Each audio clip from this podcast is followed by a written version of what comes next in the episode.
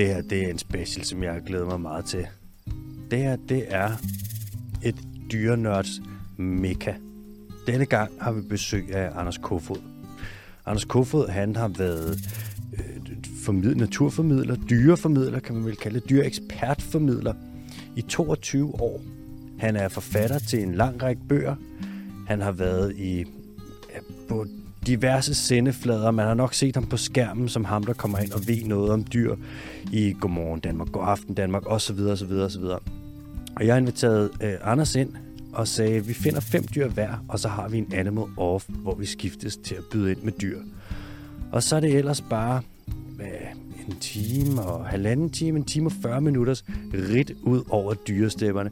Jeg ved ikke, jeg tror aldrig, jeg har mødt nogen, der ved lige så meget om dyr som Anders. Og han er så ydmyg, så han samtidig siger, ah, jeg er ikke sikker på, at man kan kalde mig zoolog. Det er jo noget, man kaldte folk før i tiden. Men jo, hvis der er nogen, der er zoolog, så er det Anders.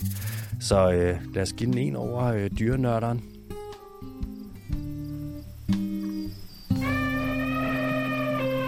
Velkommen til den dyriske TV's podcast special. I dag med besøg fra Anders Kofod. Tak som byder. Anders, fandme tak, fordi du vil være med. Ja, det er en fornøjelse. Håber jeg. Nu får vi se, ikke? Ja, ja. Du har jo været, øh, siden jeg startede med alt det her med den dyriske team, har du jo været sådan lidt en øh, lagt lige ved siden af, som en, der lavede nærmest præcis det samme, bare med langt mere succes. det er jo kun fordi, jeg startede tidligere. Det jo bare snyd. Jeg er åndssvagt gammel, ikke? Så, Ja, men jeg er ikke- jeg er overhovedet så, så med, med, et forspring, så kan, man, øh, så kan man jo nå meget. Ja. Altså, du, øh, du tager vi lige og breaker det ned. Du er biolog. Yes. Du har, hvad fandt vi frem til, 22 års erfaring med formidling. Ja, jeg startede i 2001. Startede med at formidle ikke, ikke kun øh, biologi, men, men geologi. Øh, og- Sten, eller hvad? Sten. Og der, Ja. vil sige, altså, og der lærer man det på den hårde måde, fordi det var over for skoleklasser, og hvis du kan få overbevist den 7. klasse på lejerskole, der er pisse træt, fordi de har kæmpet hele natten om pigernes opmærksomhed, og en sten er spændende, jamen så, så hvis du kan det, så er resten nemt. Ikke? Altså derfra så er det bare fuldstændig ned ad bakke. Så det var den hårde måde at lære det på. Det er sindssygt. Hvad siger, du, hvad, hvad siger man om flint? Flint, Flint kan, kan, kan, kan mange ting. Hvis jeg ikke husker helt galt, er Flint en, en, en evaporit. Det, det lægger du ikke ud med. Du lægger ud med jordskælvene, og du lægger ud med vulkanerne. Og så sniger du langsomt lidt dinosaurer ind af, af, af, bagdøren, ikke? fordi det skal, det skal have dyr med. Ikke? Ja, ja. Og, og så kan du gå rundt og kigge på klipper og sige, jamen, du skal forestille dig, at den her klippe er kun kommet op, fordi vi for så så mange hundrede millioner år siden havde et jordskælv, der er så stort, at Europa flækkede. så, er de, så, er de, så er de ligesom med, ikke? Og Ja. så kan du få lov til at snakke om, hvad en sten er derfra. Ja. Men, men, men det er jo så meget andet øh, når, i, i formidling. Du skal finde en eller anden god krog, som, øh, som, som overrasker dem. Og når du har fået den gode krog, så har du fat i hovedet. Ah. Og så kan du give dem kroppen, og så slutter du lige af med den klassiske fiskehale, lige slår et smæk med halen, og så sender dem hjem glade og lykkelige, hvor de tænkte, ej, hvor er sten fede, det havde jeg ikke regnet med. Øh, og så nogle gange, så falder du grusomt til jorden, og så, øh, så må du prøve at ja, formidle videre dagen efter. Så ligger du der på jorden og ruder rundt med Lige noget flint. præcis, så er blevet sat på plads af en 13-årig, og sådan ja. er det også. ligesom hækler. øhm, du er forfatter. Ja. Du har skrevet en bog, der hedder Superkryb, Yes. som handler om superkryb. Så har du skrevet en bog, der hedder Naturen kalder med Sebastian Klein. Du har skrevet en bog, der hedder 100 myter om dyr. Du har skrevet en bog, der hedder Mening med livet. Du har skrevet en bog, der hedder Den store bog om naturen. Du er foredragsholder. Og så er du... Øh, Det, lyder så flot, når du siger det, ikke? ja, ja, det, og du er, øhm, du er zoolog, det synes jeg. Ja, men det, det, det, det er jeg vel teknisk set. Jeg er jo øh, uddannet biolog, så kan man jo selv næsten vælge, hvad man vil inden for det, at sige, man er. Ja. Men, men, men jeg er tilknyttet som ekstern zoolog til en lille dyrepark over på Bornholm, øh, og så Åh. er jeg jo teknisk set en lønnet zoolog. Så må jeg være zoolog. Det vil jeg gerne være. Det er altså en sjælden ting at være i Danmark. Ja, det er det. Så Ja. der, der, er, der er ikke så mange pladser. Nej. Og øhm, så er du også bare, jeg har skrevet dyreekspert på øh, tv. Ja, det, det, jeg er blevet brugt især meget af TV2, men, øh, men, men, men jeg har jo også lukket hovedet forbi DR og de forskellige radioprogrammer og den slags. Ja. Ja. Alle, der i virkeligheden gider køre en historie med dyr, Mm. øh, så, så er jeg sådan set øh, frisk fra, øh, fra, fra, fra P1, øh, fagligt tungt, Mm-hmm. til øh, hvilken, øh, hvil, hvilken bil vil en snegl vælge på BT's øh, bilsektion. Altså der, der, der, jeg har ikke super mange heldige køer, når det kommer til, til, til mediet. Bare budskabet kommer ud øh, i virkeligheden, for jeg synes, det er så vigtigt. Altså vi ved så lidt om dyr og natur. Altså den, den brede befolkning ved så uendelig lidt Mm-hmm. om, om, om, om dyr. Det er ikke for at tale ned til nogen, det er bare et faktum. Så en hver platform for pokker. Altså øh, få, få den brugt, få det ud. Mm-hmm. øh, fordi det, det, det er godt for os alle sammen, og i høj grad jo naturen.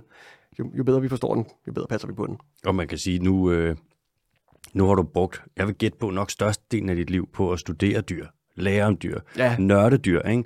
Og slag på tasken, så kender du nok til omkring 5% af de dyr, der findes, som er Så, beskrevet. så, så tror jeg også, du, øh, du, du gør mig klogere, end, øh, end jeg er, hvis jeg skal være helt ærlig. Hvad er der beskrevet efterhånden? 2-3 millioner? Ja, Du kender måske til en promille. Ja, det tror jeg. Det, det, det, øh, og, og, og, og af dem, så er der måske en, øh, ja, en ekstra procent af, af, af promillen, som jeg ved nogenlunde meget om, og så er der ganske få tal, jeg ved ret meget om. Og det siger jo også lidt om den mangfoldighed, der er derude. Mm-hmm. Øh, hvilket igen forklarer, hvorfor at så mange ved så lidt. Mm. Jamen selv os, der ved meget, eller synes, vi ved meget, vi ved uendelig lidt. Det er Det er sådan en, også- også, det er sådan nærmest helt uh, sokratisk, ikke? Altså kun den, den vise ved, at han ingenting ved, men den vise ved sgu heller ingenting, hvis vi skal være helt ærlige. Og så samtidig være sådan, når der er så meget at vide, så er det også ok, hvis man ikke lige har det hele med. Ja, ja, ja, mm. ja, og begår fejl, og siger noget sludder, og bliver klogere undervejs, og det jeg skal hilse at sige, det har jeg da også gjort i, i, igennem tiden. Øh, ja, der, der er mange af mine, mine gamle ting, jeg helst ikke øh, har lyst til at se igen, for det var virkelig, jamen, det var bare noget sludder, og så var det forkert, og så, så blev vi klogere, og nogle gange er det jo bare, fordi man ikke var grundig nok mm. i, i sin research. Jeg, jeg kæmper for at være grundig i min research hver mm. gang, men, men det er der jo ingen mennesker, der kan 100 procent alligevel. Så fejl bliver begået. Sådan er det. Jeg tænker også, mange af de dyr, som vi har studeret mest, sådan noget, hvis du kigger på chimpanser eller ulve eller whatever, vi finder ud af nye ting, selvom dem. Og så prøv at tænke på alle dem, vi ikke har studeret.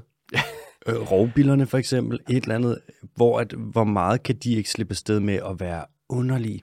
Ligesom den der der... ligger så meget sindssyg viden derude øh, og venter. Det er jo decideret vidunderligt. Det er det, vi skal snakke om i dag. Det er jo det. Jeg har også glædet mig rigtig meget. Ja, det har jeg og været også. frustreret, fordi jeg, jeg skulle vælge nogen ud. Altså, jeg, jeg tænkte sådan, jeg ville invitere dig ind i lang tid, og jeg tænkte, vi skulle selvfølgelig snakke om dyr, og vi skulle lave en, en slags animal off, yes.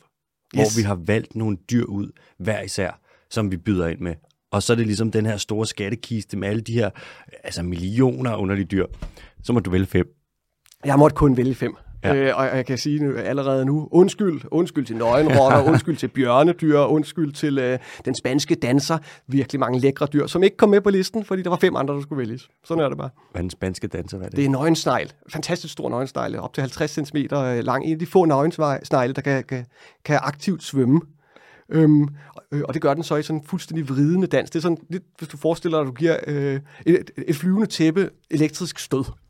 okay. Så, så bevæger det sig på den måde. Det er så fedt at se på. Et herligt dyr. Men den kom ikke med, så øh, den, må, den, må, øh, den, må, den må, vi tage en anden gang. Er det sådan lidt, øh, ser det sådan lidt flamingo-agtigt ud, når den danser, som man kalder den spanske, spanske snegl? Ja, lige præcis. Det, altså, og, og jeg vil sige, det skal være øh, i en, en vældig brændert.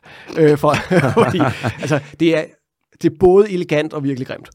Det- Øh, men, men, men, ja. det, men det, jeg synes, det er fantastisk, at man uden arme og ben og noget som helst kan, kan, kan danse afsted igennem oceanet. Det har jeg en svaghed for. Imponerende. Nøgensneglene, altså nu de branker, Sindssygt. dem, de er jo fantastiske. Sindssygt. Det er jo et, et sindssygt liv. Altså, du, øh, øh, jeg har jo tjekket, tjekket op på, hvad du har skrevet om og lavet om, og du, du har jo haft øh, Atlanticus, øh, Glauco Atlanticus, Mhm. mm-hmm. op og vinde øh, tidligere.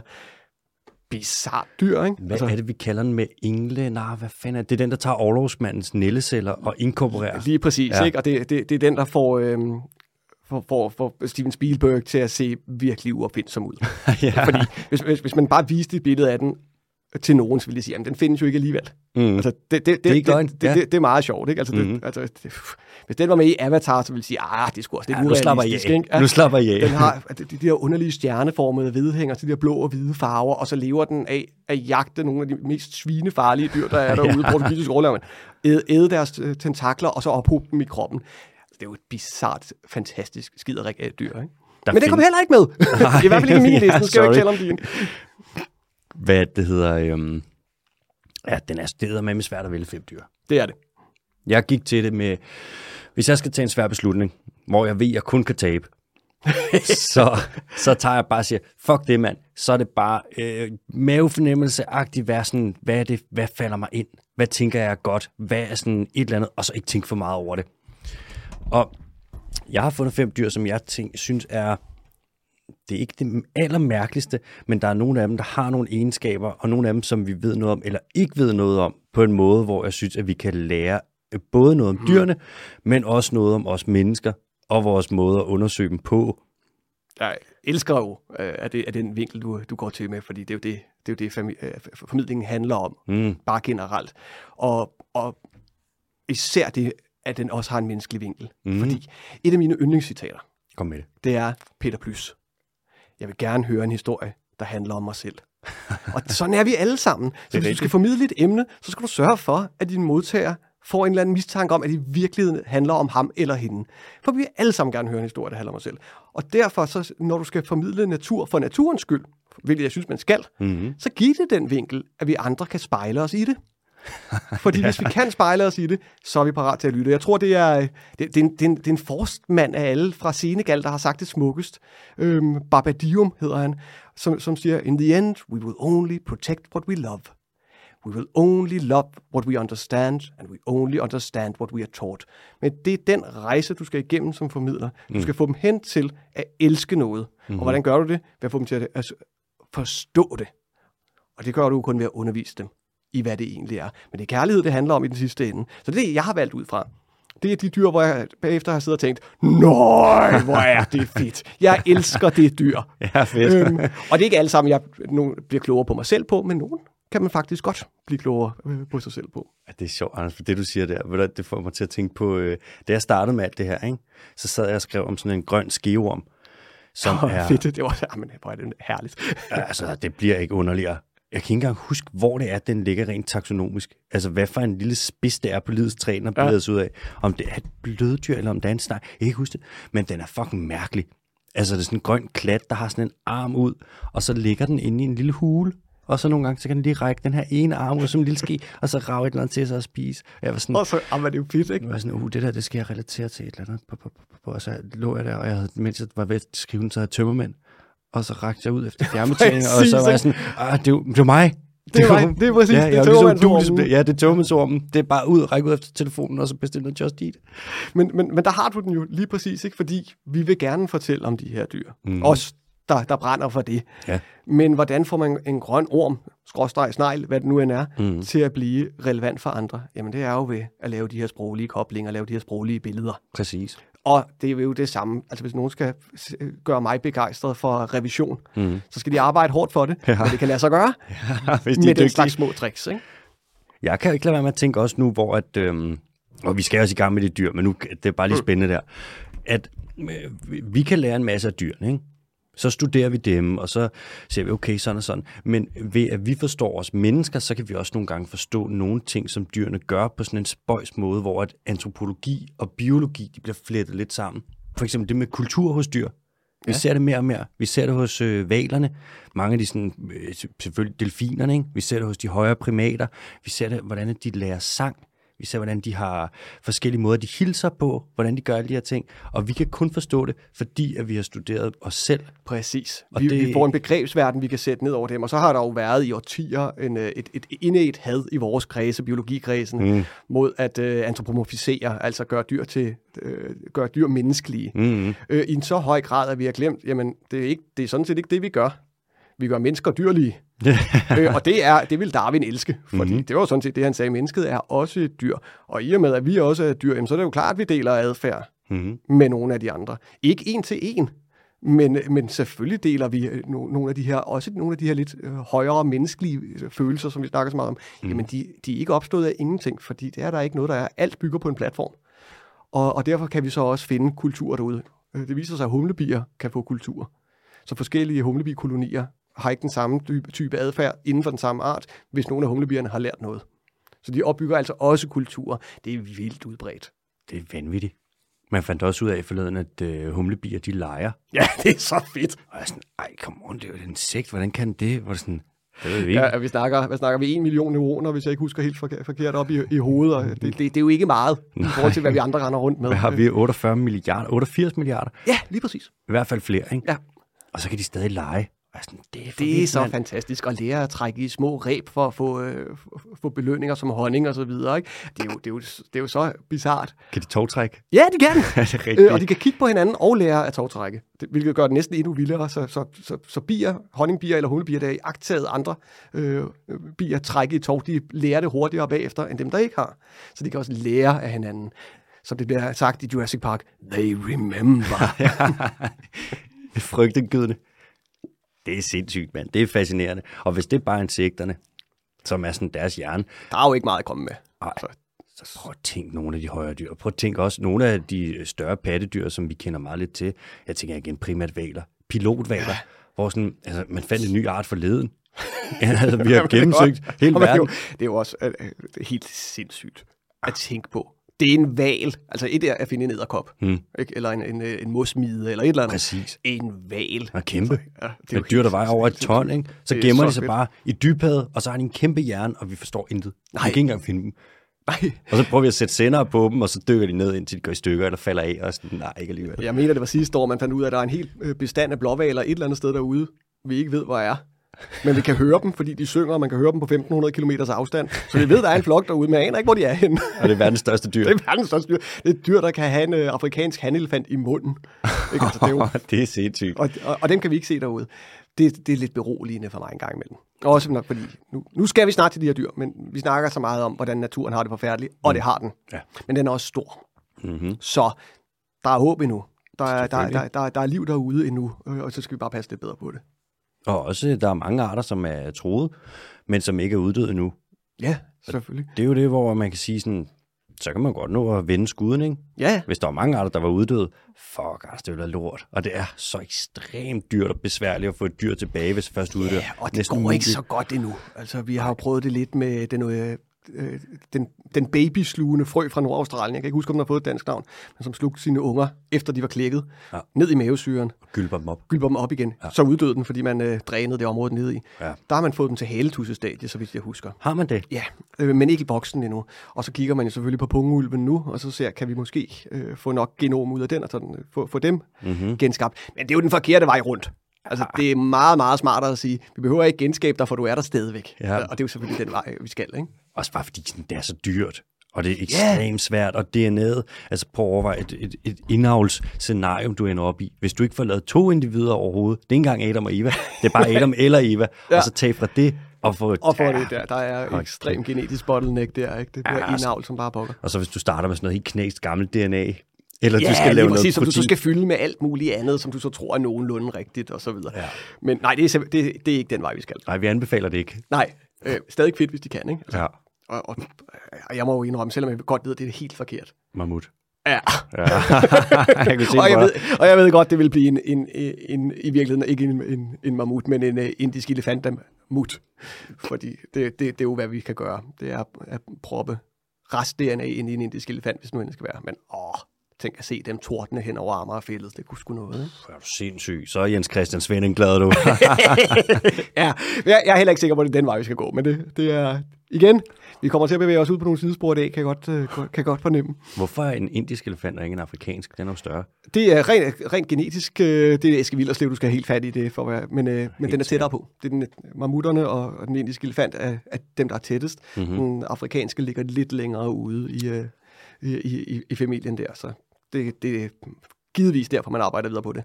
Helt Har jeg gjort sikkert. det selv? Nej. Har jeg læst op på det? Ja, for lang tid siden. Kan Ja. huske det hele? Nej. Godt. Tetris-raketten. yes. Nå, Anders, vi må, vi må komme i gang. Ja, Skal jeg starte? det må du gøre. Skal jeg gøre det? Jeg håber ikke, du stjæler et af mine dyr. Vi har jo ikke aftalt på forhånd. Og likewise, du har allerede nævnt øh, halvandet af mine. Nej, det er okay. Ja. Fedt. Ja. og der er et af dem, som... Jeg har faktisk to af dem, hvor at... Mm, faktisk måske et af dem, hvor jeg tænker, jeg ved ikke, om du kender den. Mm. Som er... Det gør du nok, men det er et fucking mærkeligt dyr, mand. Og en anden, hvor jeg er sådan... Mm, du kender den godt, men hvis du kan fortælle mig noget om den, som jeg ikke ved, og jeg ved ikke særlig meget om den, så er det imponerende, for jeg ved ikke, om der er nogen, der ved særlig meget om den. Uh, spændende. Og så en, der bare er... mær- Jeg har et dyr med syv ben. Det er sjældent. Ja, den, jeg afslører ikke, hvad det er nu, men så Nej. kan du lige tænke lidt over det. Ja. Jeg starter med, jeg byder ind med, det er ligesom om, vi skal til at spille Magic Cards, ja. ikke? Jo, fuldstændig. det har jeg også gjort meget godt. ja, det har jeg også. sort-hvidt vampire dæk, du. Nå, det er en anden snak. Jeg starter med en, øhm, en uh, nudie branch. Uh. En nøgensnegl. Yes. En smaragd elysia. Åh, Hvad siger du så? Ja, jeg, jeg, kan, jeg kan ikke øh, præcis, hvilken af dem det er, så jeg, altså, jeg kan godt min, øh, min, nogle af mine nøgensnegle. Skyd. Det er, altså, fra start til slut er det fucking mærkeligt. Da jeg læste op den første gang, der var jeg sådan, ej, stop det der, det kan, så meget kan man ikke lege med evolutionen, nu holder du op. Vi snakker et dyr på en snegl, mm. uden skjold. Den lever i det marine, den lever i saltvand. Ja. Den er cirka 5 cm lang. Så har den en slags, det ligner vinger, som den godt kan bruge lidt, når den Ah, kravler frem. det ja. Sådan helt grøn, med sådan lidt tyrkise mønstre i sig. Og så spiser den alger, og så tager den de her alger og ophober den i sig selv, og kan lave fotosyntese. Ah, men det er, det er sjovt. Åh, oh, hvor er det sjovt. Nå, men jeg vender tilbage til, hvorfor det er sjovt. Det er vanvittigt. Det er jo et, et, Det er jo så sindssygt, ikke? Prøv at forestille dig, at vi kan noget tilsvarende og sige, ah, for 16, jeg har glemt madpakken, jeg stiller mig lige ud i solen. ja, præcis. Nå, men så er jeg ikke sulten mere. Så får jeg energi fra det. Men det er jo en, en sjov måde at få, øh, er vanvittigt. at, at, at gå hen og få, få et andet energiniveau, og lige pludselig blive autotrof i stedet for. Sindssygt. At blande og tage sin mad og bruge madens kloroplaster til selv at lave fotosyntese. Men det er jo det, de er så vilde til nu, de brancherne. Ved. Dem- Dem, der så ikke spiser øh, planter, mange af dem spiser jo mosdyr, mm. og så får de mosdyrenes gift mm. i sig og bruger det. Og, og, og nu snakkede vi lidt tidligere om, øh, om øh, øh, Glaucus atlanticus, Ja. som, som stjæler øh, Nælleceller. nældeceller fra, fra portugisisk overlovsmand. Det er jo, Det er vanvittigt. Det er jo genialt. Øh, Samtidig med, at de er hermofroditter og øh, har de mest bizarre magtkampe om, hvem der skal være far og mor, og til at nogen bider penis af, den, af modstanderen, for så kan han i hvert fald ikke være far. Det er, det er jo så smukt, ikke? Det er sindssygt. De her uh, smaragdelys, ja, de kan, når de har ophobet rigtig mange af de her kloplaster, som de får fra algerne, det er der, hvor man laver fotosyntese, det er kloplasterne, så øhm, når de har ophobet rigtig mange af dem, så de klarer sig uden mad i 8-9 måneder. Vanvittigt. Og de kan godt lide at ligge i solen. det er klart, de ligger og soler sig. Det er så smukt i søen, ikke? Ej, det er Det, det er for fedt. Ej, hvor herligt. Så kravler den rundt, der er sådan en lille grøn pølse, og det er et dyr, der opfører sig som en plante. Nogle af de andre nudie branches, læste jeg om, de kan gøre en ting, hvor, og det er nærmest det er jo et lifehack uden lige, hvis de får rigtig mange parasitter i sig, ved du hvad de så gør? Så kapper de simpelthen bare øh, kroppen af hovedet, og så kroppen dør og forsvinder med parasitterne, og så fra hovedet vokser der en ny krop. Og men det er så sindssygt, ikke? Jeg overvejede, og nu, nu er der endnu en af dem, der røg, om, mm. øh, om, øh, om fladormene skulle med. Ah, Fordi de øh, har lidt den samme, øh, samme evne, bare helt almindelige danske fladorme, som forskellige planaria eller torva, eller hvem du måtte være, ikke? mm-hmm. der også kan tåle få klippet hovedet af, og så vokser der bare et nyt hoved ud. Og det nye hoved kan huske, hvad det gamle hoved havde lært. Er det Om, rigtigt? det er så fedt. Øh, hvilket er smukt på så mange planer, fordi det betyder, at fladorm 1 kan lære. Mm. Det kan de godt. De kan finde igennem labyrinter. De kan lære, at øh, lys er ubehageligt, men kalvelever er lækkert, og så videre. Så videre. Man kan lære dem ret mange ting. ja. øh, og så når man kapper hovedet af dem, så næste gang de skal lære det, så lærer de det meget hoved, hurtigere, når det nye hoved er vokset ud, end øh, en utrænet fladorm. Det vil sige, de kan også huske, selvom sindssygt. hovedet er kappet af. Det er fantastisk. De er penisfægter, ikke? Nogle af dem, ja. Nogle, nogle af de øh, tro- tropiske øh, øh, hav, havarter, penisvægter, netop for at få afgjort, hvem skal være far og mor i dag. Det en af de danske arter øh, har helt opgivet det, simpelthen fordi, at nej, når det skal være så besværligt at lave far, mor og børn, så gider jeg ikke. Så den parer sig selv ved at bruge penis ind i sin egen pande. Sådan. Er det rigtigt? Ja, jeg kan ikke huske, hvad den hedder. Øh, det er ikke en af dem, jeg har forberedt i dag, men jeg synes bare, det er fedt. Det må være endestationen, når man er træt af at være single. Ja, lige præcis. Det er, sådan, det, det, det, det er sådan den omvendte incel-mand. Ja. Ikke? At sige, I stedet for at være bitter og vred, så sige, nå, er fint, jeg klarer den selv. Ja. de her smaragdelys her, de er jo det her med froditter. Ja. Og når de skal parre sig, så laver de noget, der hedder krydskopulering. Hvor at de begge to har jo begge køn. Ja. Så de vil finde sammen på en måde, hvor at handdelen og hunddelen, altså kønsdelene, hos den ene finder sammen med den anden, og på den anden vice versa. Så de faktisk begge to er hanner og hunder på samme tid. Det er jo smukt. Det er smukt, det er kom, et kompliceret samleje. Det må det jo være, fordi de begge to på samme ja. Tid er begge køn. Men på en eller anden måde, så er det jo også smart. Og hvis de finder en partner, de godt kan lide, så hvorfor ikke bare gå all in? Det er jo procesoptimering, ikke? Det er, det, det er meget døf. men, det er også, men det er også sjovt, det, og, og det gælder, gælder jo generelt for mange af sneglene, mm. øh, at så prøver man jo at snyde. Ja. I, i bund og grund, fordi, og det, det er der sikkert mange, øh, der sidder derude af, af, af et vist køn, der vil være enige i, mm. det er meget, meget hårdere at være hundkøn end hankøn. Det er hårdt at være gravid. Lige præcis. Man er at producere- eksponeret, Og ja. producere æg er dyrt. Mm-hmm. Hvis man kan slippe afsted med bare at være handel, så er der jo rigtig mange, der vil det. Og, og nogle af de tilpasninger på tværs af dyreriet, og især blandt øh, nøgensneglene, mm. for at undgå at blive mor, de synes, jeg- dem synes jeg også er, er, er- er fede. Og helt op til, til, til, til landsneglene med leopardsneglen, hvor man, man laver en slimhængekøje. Det er fucked up. Man laver en fælles slimhængekøje Ja. for at øh, undgå, at den anden snyder. Simpelthen ud fra logikken, og vi ved det jo ikke her, for man kan ikke kunne spørge dem, men ud fra logikken, hvis vi hænger med hovedet nedad fra en gren i en slimhængekøje, så kan vi lige så godt tage begge ture og være far og mor begge to, for nu har vi virkelig investeret i det. Og det er teorien bag, hvorfor man laver den mest bøvlede parring nogensinde.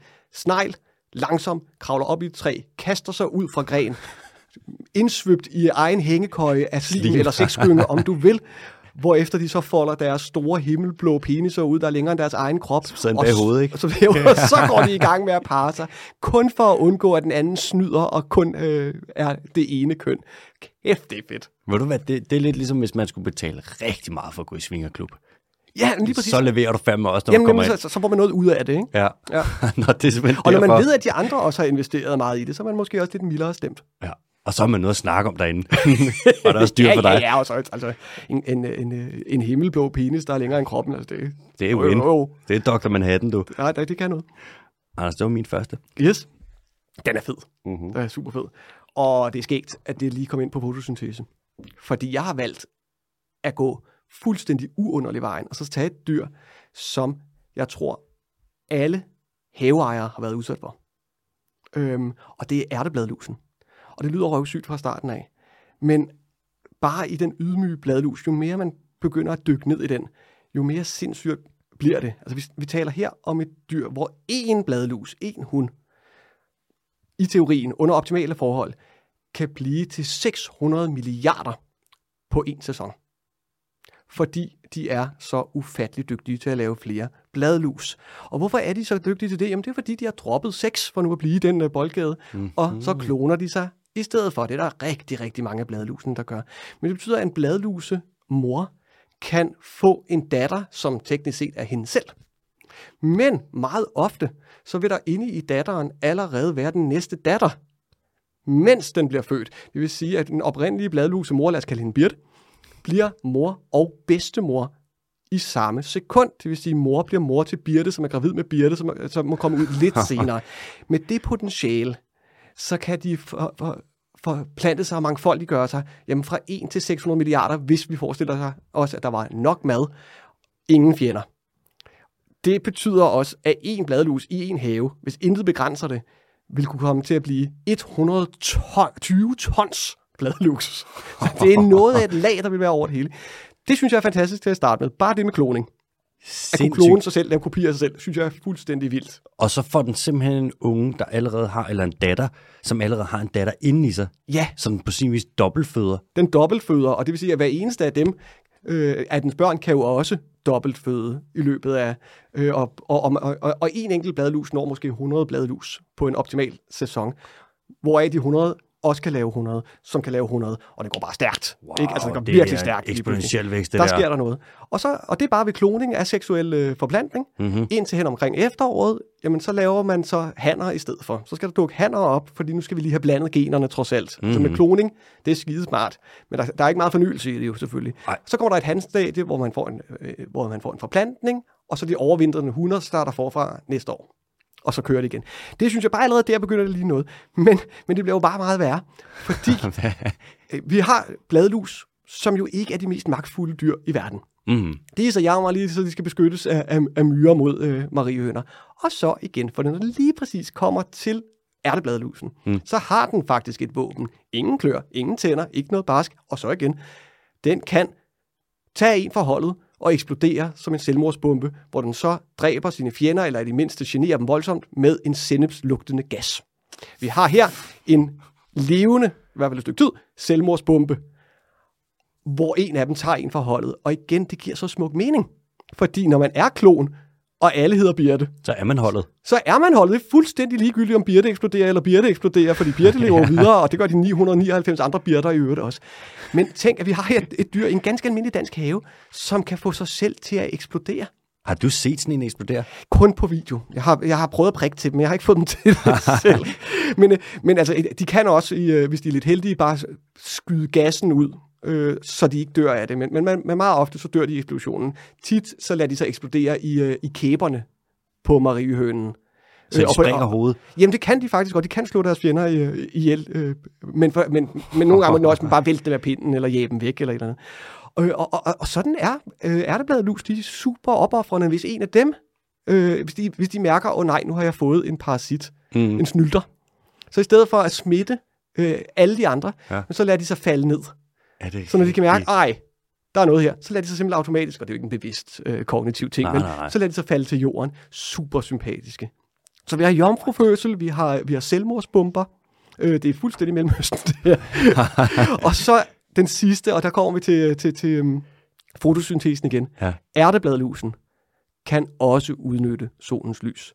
Men den æder ikke en alge og beholder den indeni. Den har faktisk, så vidt jeg ved, det eneste dyr i verden, evnen til selv at danne de pigmenter, karotenoider, som kan omdanne sollys til energi. Så den danner karotenoider inde i cellerne, og de frit svævende øh, små farvepigmenter inde i dens øh, celler kan så lave ATP, altså energi. Så den gør det selv. Den er en plante. Men det er den selvfølgelig ikke. Den er en bladlus. Den er sådan en lille partenogenetisk sindepsbombeplante. Det er jo for latterligt i en helt almindelig dansk have. Og så har jeg tænkt, okay, hvis bare en bladlus kan det, jamen prøv at tænke på, hvad der så ellers er derude. Ikke? Anders, prøv at tænke, hvis at den var på størrelse med en lille hund. Øh, Prøv at overveje, hvordan nu ser vi dem sådan... Altså, jeg er ikke engang sikker på, hvordan sådan en ser ud. Men vi, og vi, de er over det hele, men vi ser dem så ikke. Vi lægger ikke mærke til dem. Men hvis den var så stor, så vi så dem over det hele, og de opførte sig sådan der, og den kunne eksplodere med sennepsgas, ikke? Og de bare gik rundt og født, født og født, født og birte, birtet. Det ville jo Jamen, det, er være... jo, det, er jo, det er jo vanvittigt. Den er øvrigt, øh, øh, hvis man må sige det som biolog, meget nuser. Det er, en af, de- det er en af de kønne bladlus. Er det Øh? Især i sit uvingede stadie, der sidder den øh, lille, tyk og smaragdgrøn og gennemsigtig, så det er sådan, sidder som små bitte, øh, ja, potentielt eksploderende juveler på dine, på dine ærteplanter. Jeg synes, det er en af de kønnere. øh, men men det, det kan godt være, at det er sådan en, øh, det, det er bare mig. Altså, bladlusene er som gruppe, synes jeg også, mærkelige. Åh, dybt fascinerende. Det er tæer, ikke? Øh, næbmundet, mm-hmm. hvis jeg ikke husker helt forkert. Nu skal man Ja, ja, altid ja. passe på. Men, øh, men ja, Så en lille, en lille snabel, altså som folder ud, så de har i virkeligheden sådan rør, de suger igennem. Ja, lige præcis. Og, Ja. og, og det er jo sådan, øh, det er jo så det, øh, der bliver udnyttet af myrerne, øh, at, at, at de suger så meget, fordi de drikker jo så helt sindssygt, så de får så meget væske ind, Mm. at de, øh, at de ikke kan holde på det selv. Ja. Så drøber det ud i den anden ende, det ved vi jo alle sammen, og os, der har prøvet at drikke vadøl. Ja, præcis. Øh, Ja. På et tidspunkt går der så meget væske ind, så det drøber ud af den anden ende. Ja. Og, og det er det, myrerne udnytter ved at drikke øh, øh, soldukken eller, eller deres urin, sådan set. Ved du hvad, det lyder som landbrug. Det er det jo. Det er Ah, men åh, nu, må, nu har jeg jo ikke taget myrer med. Nej. Øh, men, men, men myrer holder jo øh, bladlusene som landbrug, øh, og, og, og, på præcis samme måde, som, som vi gør. Det vil sige, de malker dem, og når de så ikke øh, skal malkes mere, så, så, så ryger de til hakkekød, eller de bliver spist. Men, men det har jo også vist sig, at nogle myrearter i hvert fald Mm. øh, tager deres bladlus på vinterstald. Gør de det? De- Tager de ja. dem ind? De, nogle af dem øh, gnaver simpelthen, det øh, orange myrer kan finde på det, øh, så vidt jeg husker, Ja. gnaver små stalle til deres bladlus i barken på træer og gemmer dem til vinteren. Andre myrer kan finde på at holde blade hen over deres, øh, deres bladlus, hvis det regner. Det er For det er synd. altså, nej, det er jo ikke det. Men, men, altså, men det, er jo, det er jo helt fantastisk. Og så, øh, og så hegner de dem inde. Nogen, Er det også indhegninger? Ja, kemiske indhegninger. De går rundt om, øh, om de her bladluser, øh, sætter et eller andet form for kemisk, øh, kemisk stof, der hæmmer bladlusene, når de prøver at kravle, fordi man vil ikke have, at kreaturerne løber væk. Nej, Det nej. er derfor, man har hegn. Ja, det er... Øh, og de bygger selvfølgelig ikke fysiske hegn eller elektriske hegn, de laver kemiske hegn, og når en bladlus kommer til det kemiske hegn, så bliver den fuldstændig sløv og apatisk og kravler ikke videre. Så de hæmmer dem simpelthen. Det er jo, det er jo bizart og vidunderligt. Det er eddermame. Prøv at tænke, vi kigger på det, og er sådan, ej, prøv at se, hvor sjovt, de hyrder dem, og prøv at se myrerne, de har bladlus. Hvad nu hvis, og det er ikke for at være, jeg er ikke en religiøs mand på den måde, men hvad nu hvis der så er et niveau op, og der er nogen, der kigger på os, når vi har landbrug? Ej, sådan, ja, prøv at se, hvor søde de Ej, er. se, hvor skal jeg ikke. Ja, ej, hvor vi, sjovt, vi ja. vil ald- aldrig opdage det, men øh, ja, vi har jo ikke udelukket det i hvert fald. Shit, det er vildt, mand. Den var god. Ja, jeg synes, jeg, jeg, jeg, jeg synes det var, jeg, jeg, jeg følte mig selv som modig ved at lægge ud med en bladlus, men, men når de kan det, de kan, så tænkte jeg, det var et sikkert kort. Jeg synes altid, det er fedt, når der er partenogenese. Og det der med at klone sig selv. Og implikationerne, men det praktiske i det også. Og nu snakkede vi jo tidligere om, at øh, jamen, den her formidling skal, skal bruges til noget, og, og man skal kunne spejle sig selv i det. Mm. I en tid, hvor vi snakker meget om kønsroller, og hvor woke er blevet et skældsord, og hvor man konstant får at vide, at en rigtig mand, og bla bla bla. Mm-hmm.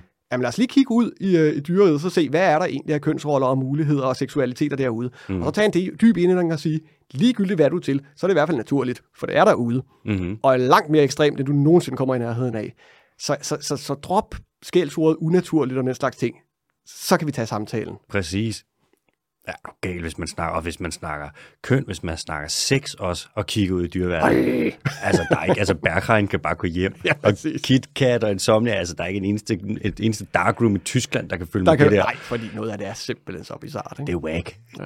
Det er, whack. Det, det er så smukt. Og, også, det er bare... og helt frem til dem, der bare har droppet det, øh, hvad er det, de bedeluide juledyr, eller hvad det nu hedder, øh, som har droppet sex. De har ikke dykket sex i hvad? 12-20 millioner år. Oh, så når de skal have nye gener, så stjæler de dem fra andre dyrearter. De stjæler gener? Ja, så, så, så snupper de dem og, og, og smider dem ind i deres eget genom. Fordi man skal have lidt fornyelse, men det der med sex, nej tak, så låner jeg bare fra nogle andre, som ikke er min egen art. Ja, det er Helt ærligt. Altså igen, perspektiverne i det, ikke? Jeg tænker, jeg har, jeg har da altid lige gået og tænkt, jeg kunne da godt være lidt giraf. ja. Så går jeg bare hen og suger lidt girafgener ud og, og smider det ind i mig selv. Det er jo øh, parallellen til det. Altså med de der ting i mente, så sådan nogle film som for eksempel Alien, fed film, og Dejligt. det er hyggelig, og Sigourney Weaver, hun spiller skønt og sådan noget. Men altså, det er ikke fordi Alien er særlig vild i forhold til noget der. Nej, sammenlignet med. Mm-hmm. Og det er mhm. det, jeg synes, der er så smukt mm-hmm. ved naturen. Og det er den historie, der skal fortælles, for med den viden, det er jo bittert at tabe sådan nogle dyr. Præcis. Forsvundet for evigt mm-hmm. med sådan nogle evner, det vil jo det er nærmest uh, utænkeligt ulykkeligt. Ikke? Det er det virkelig. Det er ligesom bare at gå hen og bare sætte ild til Louvre. Og være ja, sådan, ærgerlig bærgerlig mand. Ja, ja, ja, sådan er det. Det skal med, vi aldrig med, se. Med, med den forskel, at vi kan gen, øh, genmale øh, øh, mm. Mona Lisa, for eksempel. Ja. Men vi er reelt ikke der, hvor vi kan genskabe øh, bladlusen, hvis den forsvinder. Nej, desværre, mand. Skal jeg byde ind med den næste? Ja! Og det er sjovt, for det var faktisk en af dem, du allerede har nævnt. Nej, jeg er ked af det, ja, det, det, men det er fordi, det farer jo i alle retninger. Men det er okay, og det er også den, hvor jeg tænkte, der er størst chance for, at du måske også har taget den. Fordi det her dyr, det er så fucking mærkeligt. Det er et pattedyr. Ja. og det er dyret. Ej, det er et pattedyr. og den, øhm, den er næsten blind. Ja. Den ser ekstremt dårligt. Og det er måske meget godt for den, for hvis den nogensinde så sig selv i spejlet, Anders, den ville bare have det. Den er så grim. Den har ikke noget pels. Den er nøgen. Den har endnu mindre pels end os. Den vejer omkring 30 gram. Den har et stort overbid. Det er nøgenrotten. Den er så fantastisk. Og det bliver ikke mere underligt. Nej, jeg har hørt den beskrevet som øh, en, en, en, en uomskåret penis med fortænder. og det er faktisk en ret god beskrivelse. Den er Sådan så rent visuelt. Grim. Den er styg. Det er den. Den er så grim. Den er eusocial. Ja. Det er fucking, det er underligt. Nu snakkede vi lige om, øh, om myrer før, mm. og bier har vi snakket om. Der er det, er en, det er noget, insekter er. Det er det. Der er en dronning, og så er der en koloni, hvor hunderne de er sterile, og hanner, det er sådan noget, som man måske gør sig lidt i, men mest bare fordi nogle gange, så skal de passe med dronningen. Ja. Så der er en, en dronning, som er inde i den her koloni, og det er i Østafrika, så lever de under, øh, under jorden og graver. De kan have tunneller, der er op til 5 km lange. Det er så vildt. Og så dronningen, det er kun hende, der får unger. Hvis hun dør, så kommer en af hunderne til at skifte noget med hormonbalancen og begynder at udvikle sig til at blive en dronning. Og så kan de gøre noget, som er helt underligt blandt pattedyr. De kan klare sig med 5% oxygen. Ja. Vi skal bruge 19%. Hvis vi var i 5% oxygen, altså der går ikke så lang tid, så dør vi. Det kan de sagtens. Og hvis de kan klare sig uden, at der også er oxygen, i op til 20 minutter, ved du hvad de så gør?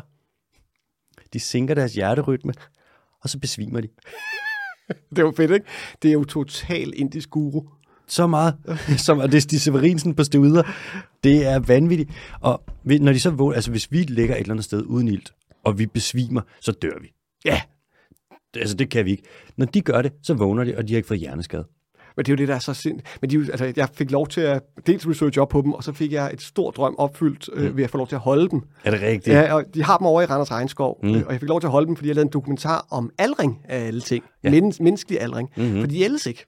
Det er det, der er så underligt. Det, det, det, og, og, og, og, altså, de dør på et eller andet tidspunkt, fordi det, livet er hårdt, og uheld sker, mm. men de ældes ikke. Og det vil sige, at øh, så vi, lige nu er rekorden for, for nøgenrotter, små 5 cm lange nøgenrotter, mm. 35 år. Shit. Sammenlignet med mus, de brune rotter, vi har herhjemme, Mm. så snakker vi halvanden, to år. Det er levealderen for, for, for, for den gruppe af dyr. De nægter bare det, at erkende det. De bliver ikke gamle. Og det er rent faktisk sådan, når de har rundet de 30, Mm. så er de ikke blevet svagere. Den 35-årige er ikke blevet svagere. Altså, ellers er, er det for os, når vi kommer forbi de 50 år, mm. så fordobles risikoen for, at vi dør hver 8. år. Mm. Det går stærkt lige pludselig, ikke? Helt sikkert. For nøgenrotter, nej. En 35-årig nøgenrotte er nøjagtigt lige så frisk som en 2-årig nøgenrotte. Den er i topform. Det er væk. Og, det er så, altså, og de har alle de her mekanismer for, at det skal kunne, kunne lade sig gøre. Blandt andet får de nærmest ikke kraft. Mm-hmm. Øh, især ikke hudkræft, fordi de har en helt øh, særlig form for kollagener, mm-hmm. der indkapsler kraftsvulser. Øh, så de kværker dem bare. Så hvis der opstår kraftsvulser i dem, så, så, så går de ind og så binder sig rundt om det, fanger dem. Var det overlegent? De kan vende sig i deres egen hud. hvis man sidder fast i, i en af de 5 km lange tunder, som du fortæller om, så vender man sig bare i sin egen hud. Ligesom en Kravler ud igen. Overlegent. Ah, men det er så fedt. Det er et sindssygt godt dyr, du, du har valgt der. Den, øh, den kunne godt vinde. Den er, den er bare mærkelig. Og ja. jeg hørt også, at de får ikke kraft, fordi en af de andre ting, det er, at øh, oxygen, det er jo, øh, kommer ind, det er jo reaktivt som molekyl. Ja. Så når vi får det ind, så kan det reagere med vores celler, og så kan det komme ind og spalte nogle grupper af, og så kan det ligesom være sådan en redox-proces, bla bla bla bla. Blandt andet derfor antioxidanter, det er gode. De er gode, fordi de kan reducere nogle af de ting, som oxygen kan gå ind og gøre. Ja. Men hvad så, hvis du er et sted, hvor der ikke er særlig meget oxygen? Ja, Er det ikke smart? det er skide Så- smart. Jamen, Nemlig. Så i virkeligheden, så har de taget noget, som alle andre dyr rigtig gerne vil have, og så er de sådan, nej, nah, fuck det der. Det gider vi ikke. Ja, ja. Jeg tænker også, altså, prøv at tænke, hvis du lever sammen med alle bare dine søskende. Der er en mor, du er, du er helt du er blind, du ligger nede i de her lange tunneller, der er ikke rigtig så meget ild. ild. På et tidspunkt, så tror jeg, man bliver sådan lidt træt af familien. Og det kan også være der, at det ikke er fordi, at de mangler ild, men de bare bliver så fucking trætte, de bare besvimer. De bare så, jeg tager en time out. Ja, nu, nu har jeg fået lov til at se dem. De ser ud til at være super trætte af hinanden. Det, jeg skal sige, det, det, de er utvivlsomt hårdt arbejdende.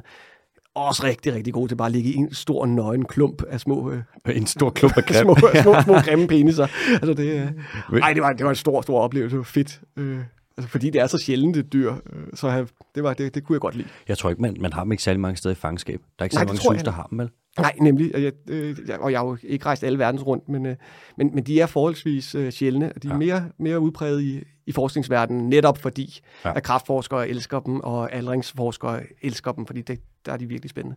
Og også lige en sidste sjov ting. Mm. Så vidt jeg ved, så har de ikke smertereceptorer, så de kan ikke føle smerte. I hvert fald ikke i huden. Er det Så du rigtigt? kan stikke den med knive og gafler så meget, du har lyst til, de kan ikke mærke det. det er så mærkeligt. Det Ja, men dyr, det er et bizart dyr, ikke? De spiser hinandens lort. Ja, Og når de spiser dronningens lort, så får de øh, incitament til at passe på hende og ungerne. men hvor er det fedt. Det er sådan noget lortemanipulation. Ja. Prøv at tænke, at ligge en lort og være sådan noget, spis den der. Og så dem, der spiser den, er sådan, nu passer jeg på dig. Det er mærkeligt, Det mand. er, det er, ah, det er super smukt. Nå, Anders, øh, jeg giver bolden over til dig. Jeg giver den nøgen, nøgenrotte bolden videre. Ja. Og så tænkte jeg, jamen jeg bliver lige lidt i haven. Mm-hmm. Og så jeg er lidt spændt på, om du kender den her. øhm, det er også en undskyldning for at få lov til at tale om kål. Mm. Og jeg, jeg, jeg, jeg, har, jeg, jeg, har, jeg har det bedst, hvis jeg lige også får lov til at tale lidt om kål. Jamen selvfølgelig. Fordi det, Take det, it away. Kål, kål er godt. ikke? Ja. Så det er øh, kålorme hyperparasitoiden. Er det en snyltevips? Det er en snyltevips. Men det er ikke bare en snyltevips. Snyltevips, fantastiske dyr. Super fede, så klamme, øh, manipulerende, øh, Ja, ja, benhårde. Rigtig mange af dem går på jagt efter fugleder, kopper og den slags. Ikke? Ja. altså en snyltevips, den spørger man ikke med.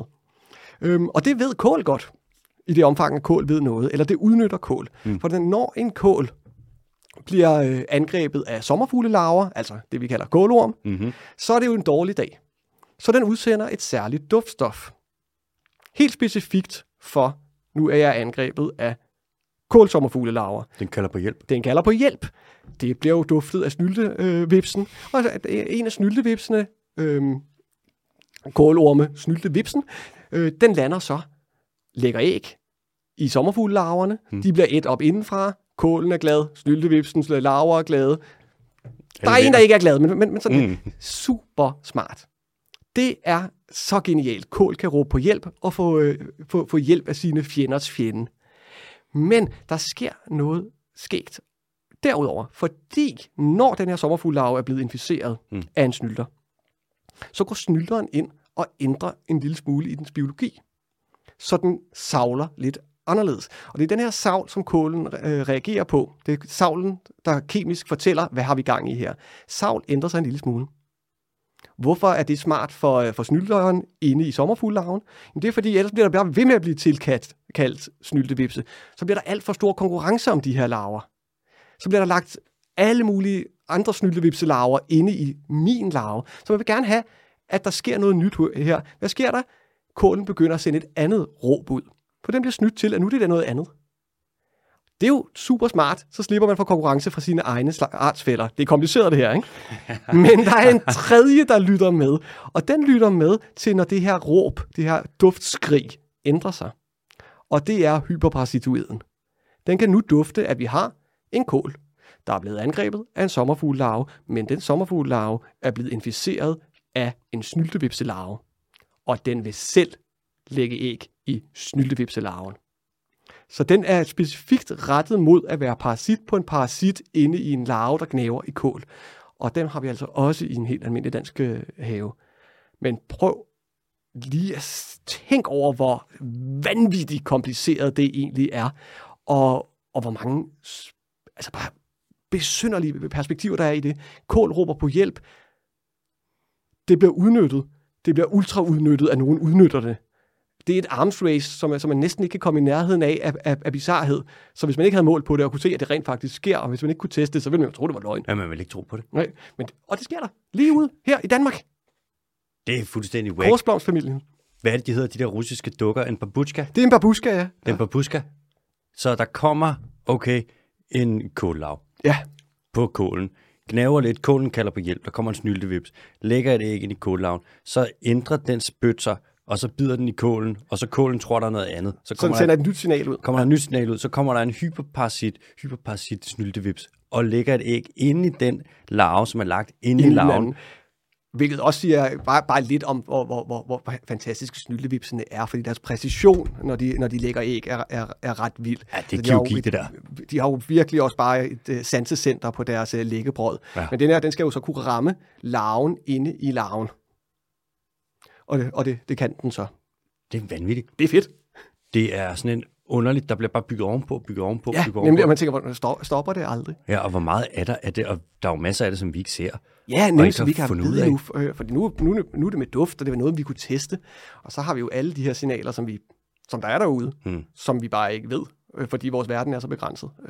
Jeg læste på et eller andet tidspunkt, at jamen, bare en helt almindelig have, hmm. der, der, der dufter vi 5% af de tilgængelige dufte, som for eksempel en hund ville kunne dufte. Så det, altså, tænk, vi en ufattelig fattig verden, det er, vi går rundt i. Vi er bare totalt blinde. Vi går med hovedet ja. i en papirspose. Ja og, og, ja, og apropos blindhed, vi ser jo heller ikke de farver, som, som nogle af dyrene ser. Ikke? Mm. bier ser, ser i, i ultraviolet, og guldfisk kan se infrarødt, og så videre, og så videre. Ikke? Altså, vi kan ikke en skid. Nej, det kan vi ikke. Vi kan ikke lukke, så kan vi lukke 5% af det, en hund kan lugte. Ja. Og så hunden, der er sikkert også noget, den ikke kan lukke. Der er så meget. Jeg tror, hvis vi kunne tage alle sanseindtryk ind, så vores hjerne ville smelte sammen. Det ja, og det er jo selvfølgelig også en vigtig pointe der, at øh, man kan ikke det hele. Mm. Og selvom vores, vores hjerne er ret fantastisk, jamen, den skal heller ikke kunne det hele, mm. for det vil være umuligt. Og det er måske også en vigtig lektie, hvis man skal tage det sådan lidt op på det filosofiske plan. Mm-hmm. Jamen, øh, det, det, det, det, det er dumt at stræbe efter perfektion, mm-hmm. for du kan ikke ramme det. Nej. Hver gang du vælger en vej, jamen, så har du valgt en anden fra. Og, og det er, om ikke andet, så er det lige præcis det, evolution skal lære os. Det er, vær nogenlunde tilfreds med det, du har ja. fordi det var en god nok løsning, selvom den var virkelig dårlig. Og så mens vores evolution kører, eller en hvilken som helst øh, organismes evolution kører, så kører der også andre evolutioner sideløbende med. Ja. Det er jo sådan et kapløb, det er jo det, vi kan se her. Nemlig. Jeg forstår godt det der med, kender du det der intelligent design-ideen, øh, oh. hvor der er nogen, der er sådan noget, nej, men naturen er så kompleks, så den må være blevet skabt sådan her. Fordi at, så har de et eksempel med et øje, hvor de sådan, hvordan kunne evolutionen udvikle sig til at blive så kompleks? Det skal jo være noget, der bliver skabt præcis sådan der. Du kan ikke stable det på benene. Når man kigger på sådan noget, så man forstår godt logikken bag, hvad de tænker. Altså selvfølgelig tager de 100% fejl. Fuldstændig. Men at kigge på det her kompleksitet og være sådan, wow, no wonder, det tager så mange milliarder år at stable det her lort ja. på benene. Ja, det man skal nemlig tænke på tidsperspektivet, som vi tit glemmer. I øvrigt også et, et, et, et, et delvist øje er klart at foretrække frem for, for, for ikke noget øje. Du kan lave testen en dag, hvis du keder dig derude, ikke? Mm. og så sige, prøv at løbe rundt i en mørk skov med et, åbne øjne, to, en, øh, en nylonstrømpe for, foran på hovedet, og tre bind for øjnene, og så se, om delvis syn rent faktisk kan noget. Ja. ja det kan det godt, fordi kan- du patter ikke hovedet ind i det egetræ. Nej. Og det er, det er klart at foretrække. Øh, men, men lige præcis, måske øh, parasithistorien viser jo også meget godt, at der er en... Øh, altså, der, der er nogle logiske huller i, øh, i, i kreationist-tanken. Mm. Fordi, hvad er Guds mening lige præcis her? Øh, elsker han kål, Mm. men hader snyltevipse? Eller elsker han snyltevipse, fordi andre snylte... Nej, hvad, altså, hvorfor? Ja. Eller har vi flere intelligenser her, der kæmper mod hinanden om, hvem der skal lave den, den bedst tilpassede? Fordi de, de samarbejder jo ikke. Så Ja. intelligent de- design end mig et vist sted. I øvrigt, hvis, hvis der skulle være intelligent design, så ville vores potteplanter være sorte, de ville ikke være grønne. For så udnyttede de dem langt mere af lysspektret. Nå, Der var den debunked. ja. Fedt. Nå, altså vi må hellere hoppe videre. Ej, jeg kom lige til at tænke på også med, kender du det med flagermusene, og så det med deres ekolokalisering. Ja. Og så er der jo nogle møl, nogle natsværmere, som så ligesom, så bliver de ramt af flagermusenes ekolokalisering. Og så har de fundet ud af, okay, så snart de bliver ramt, hvis de bare lader sig falde, ja, det, ja, så, så er der nogle flagmus, der har fundet ud af sådan, okay, de lader sig falde, så skifter de ud, så de har mere bredspektret. Ikke bredspektret i sådan rent øh, frekvensformat, men mere bredspektret, trompetagtigt deres kald. Sådan så de ligesom kan finde, okay, hvis den falder, så kan vi også fange den lidt her. Så prøver nogle flagmus det. Så er der nogle møl, der finder ud af, okay, så gør de det. Så udvikler de sådan en lille smule. Det er derfor nogle, mange af dem er helt fluffy. De ligner, de har lidt pels. Det er jo lyddæmpende. Det er jo ligesom at skrige i en pude. Så bliver lyden absorberet. Så er der nogle flagmus, der skal finde ud af det. Så har du alle de her ting, hvor det bare er frem og tilbage. Det er sådan et spil skak i naturen, hvor hvert rygte tager lige 10.000 år. Det er så smukt, ikke? Ja. Og så er der faktisk nogle tredje, øh, jeg faldt over. Jeg kan, det, det, det, det, det er nogle af Hawkmoth, mm. øh, som jeg ikke ved, hvad hedder på dansk. Jeg har lyst til at sige øh, nogle af ulerne, men det er jeg altså ikke sikker på. Mm-hmm. Som øh, fysisk aktivt selv laver en lyd. De knupper der, deres øh, ben eller vinger mod øh, brystet, og så laver de et falsk sonar. Det vil sige, de laver en falsk øh, lyd for at øh, gå ind og jamme øh, flagermusenes lyd. Det er total militærteknik. Ja, men det er jo genialt, ikke? Det er Altså. Kæft, det er fedt. Nå, Og så samtidig, vi går der, og så kigger vi op og sådan noget. Nej, så er en natsværmer. Der er flagmus, så går vi videre. det kommer videre, ikke? Og der sker bare den vildeste kamp deroppe. Vanvittigt. Okay, Anders, næste dyr. Det her det er det, som jeg tror, du kender den nok godt, fordi du kender mange dyr. Men det er stadig et meget, meget, meget sært dyr. Det er den øreløse varan. Den kender jeg skismag ikke meget til, nej. Det er fuldstændig undskyld, for det er der ikke særlig mange, der gør. og selv dem, der ligesom... Den har en mærkelig historie. ja, For det første, det er ikke en varan. fedt. God start. Ja, og det ser vi, det er tit sådan, Nå, okay, jeg er en knælerej. Det er ikke en knæler, det er ikke en rej. Det er fuldstændig kongekobra, det er en kobra. Altså, vi ser det over det hele. Ja, Navne, og så er det sådan noget. hund. ja, præcis. Den findes på Borneo, Ja, hvilket der er, i og for sig er, det er jo en ø, og Ja. den er stor, og den er tropisk, så det jeg er har ligesom... fornøjelsen af at være der faktisk. Så det er ingen øreløse varaner, tror jeg. Men Det det, det, jeg er, det er de færreste, der har set dem. Det, første gang man så den, det var i 1878. Og så skulle der gå lige knap 100 år, før man så dem igen. Så var der nogle vejarbejdere, som rendte rundt og arbejdede i 60'erne og 70'erne på Borneo, og lige pludselig begyndte at finde dem. Og så sendte, blev nogle af dem sendt til nogle sus i Europa, og lidt rundt, og lidt i USA, men man kunne ikke holde liv i dem. Man fik nogle af dem til at spise lidt okselever, men ellers var man sådan, vi ved ikke rigtigt, hvad vi har med at gøre her. Og så døde de. Og eksporten af de her dyr havde i øvrigt været ulovlig. Så de sus, der havde dem, de var sådan... Uh. Ups. Hov, ja. Og samtidig så vil jo, man vil jo gerne vise det frem, men det er ulovligt at have. Det gør det meget svært. Så, og de her vejarbejdere, der ligesom havde fundet dem over Borneo, de havde ikke deres GPS med der i 1960, da de gik. Eller ej, sjovt nok. Så man aner ikke, hvor de havde fundet dem. Ej, Så, så skulle der gå nogle flere år, hvor man ikke fandt dem. Men ikke anede. De døde dem, man havde i susene, og man var sådan, hvad fuck var det der? Hvad var det der for noget underligt noget? Man fandt ud af, at de minder lidt om varaner på nogle måder. De spiller med tungen. ja. Det er jo sådan, øh, slanger gør det, og nogle øjler gør det, varanerne blandt andet. Mange øjler, de gør det ikke. Men det er sådan en lidt unik ting. Og så har de på deres hemipeniser. Hmm. Øjler har jo de to peniser. der. Yes. Og varaner, de har et lille horn på deres peniser. Og det har den øreløse varans penis også. Så man er sådan, okay, det er ikke en varan, men den spiller med halen, og den er super. Altså det her, det er jo definitionen på et kryptisk dyr. Ja, fedt. Så fandt man dem igen i, i 2017. Lige pludselig begyndte de at dukke op, og så fandt man ud af, at nogle steder, der er de faktisk rimelig lokalt. Øhm, der er mange af dem. Ja. Og så kommer de frem, når det regner, ligesom regnorm. og det mærkelige er, man har fundet ud af, man har fundet ud af tre ting. Man har fundet ud af, at det gør rigtig ondt, når de bider. Ja, god viden. Ja, man har fundet ud af, at hannerne de er mere aggressive end hunderne. Mm-hmm. Og man har fundet ud af, at de er altid i nærheden af vand. Og altså, det ligner, de er en 50-60 cm lange, og det ligner en lille drage. Det ligner lidt en øh, krokodilløjle. Kender du dem? Ja, ja de er fede. Sindssygt. Enormt dyre. Det ligner en slank, brun krokodilløjle, og så er den bare mærkelig fra start til slut. Kommer frem en gang imellem, og man finder dem ikke rigtigt, og så tror man, den er uddød, og så kommer den tilbage, og så bliver den fundet meget. Og man er sådan, hvorfor gemmer de sig? Ja, hvad, hvad laver de, ikke? Ja, hvad det, der sker? Og nu er det jo det, altså man kan sige, på Borneo, i, øh, da man fandt den første gang i 1878, det var ikke lige frem, fordi man havde store forskningsstationer derovre. Nej. Man har jo været lost, det var jo totalt, det var ligesom Papua Ny Guinea. Ja, altså, altså sindssygt vildt område også. Også nogle ret vilde stammer i hvert fald, hvis vi går nogle, øh, nogle, nogle år- 100 år tilbage. Er du gal, mand? Det er jo der, der har også været kannibaler. Ja. Det har været sådan et sted, hvor det var straight up, det var ægte vildt. Og nu, der er jo stadig hjertet af Borneo, hvor der er noget, et af de, det er faktisk en af de største regnskove i verden, som ligesom er nogenlunde intakt.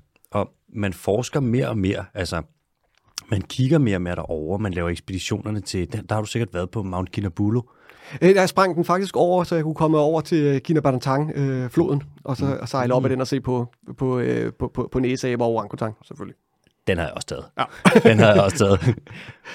Mount Kinabalu, den- hver gang man går derop og laver en ekspedition, så er det ligesom, når man tager til Eastern Ark-bjergene eller et eller andet, hvor det bare er sådan, okay, vi kan ikke finde flere nye arter. Altså, vi har fundet så mange, så vi har bare makset ud.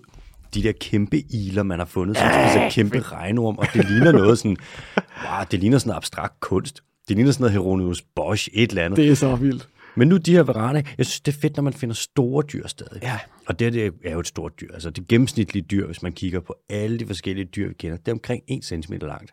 Så alt større end det, kan man godt sige. Det er stort. Det er rimelig stort. Og det her er altså 50-60 cm. Så den er så god til at gemme sig. Og hvor, hvor er den? Hvad laver den? Nemlig. Anders, hvorfor, hvorfor er den så og, hvilket liv har den, og hvad kan den? Ikke? Ja. Altså sammenlignet med, hvad vi allerede har været, været igennem. Hvad kan den? Ja, Det, det er sikkert et eller andet fuldstændig fabelagtigt vildt. helt whack. Det, Og- øh, ja, men det er det, der er så rart stadigvæk her i 2023. Mm. Vi, er, vi har kun skrabet i overfladen. Der er så meget, vi ikke ved endnu. Mhm. Det, er, det er nærmest vidunderligt. Det er Det ville være så trist, hvis vi nu, nu havde vi luret det hele. Ikke? Og vi kommer til at finde mange flere nye arter.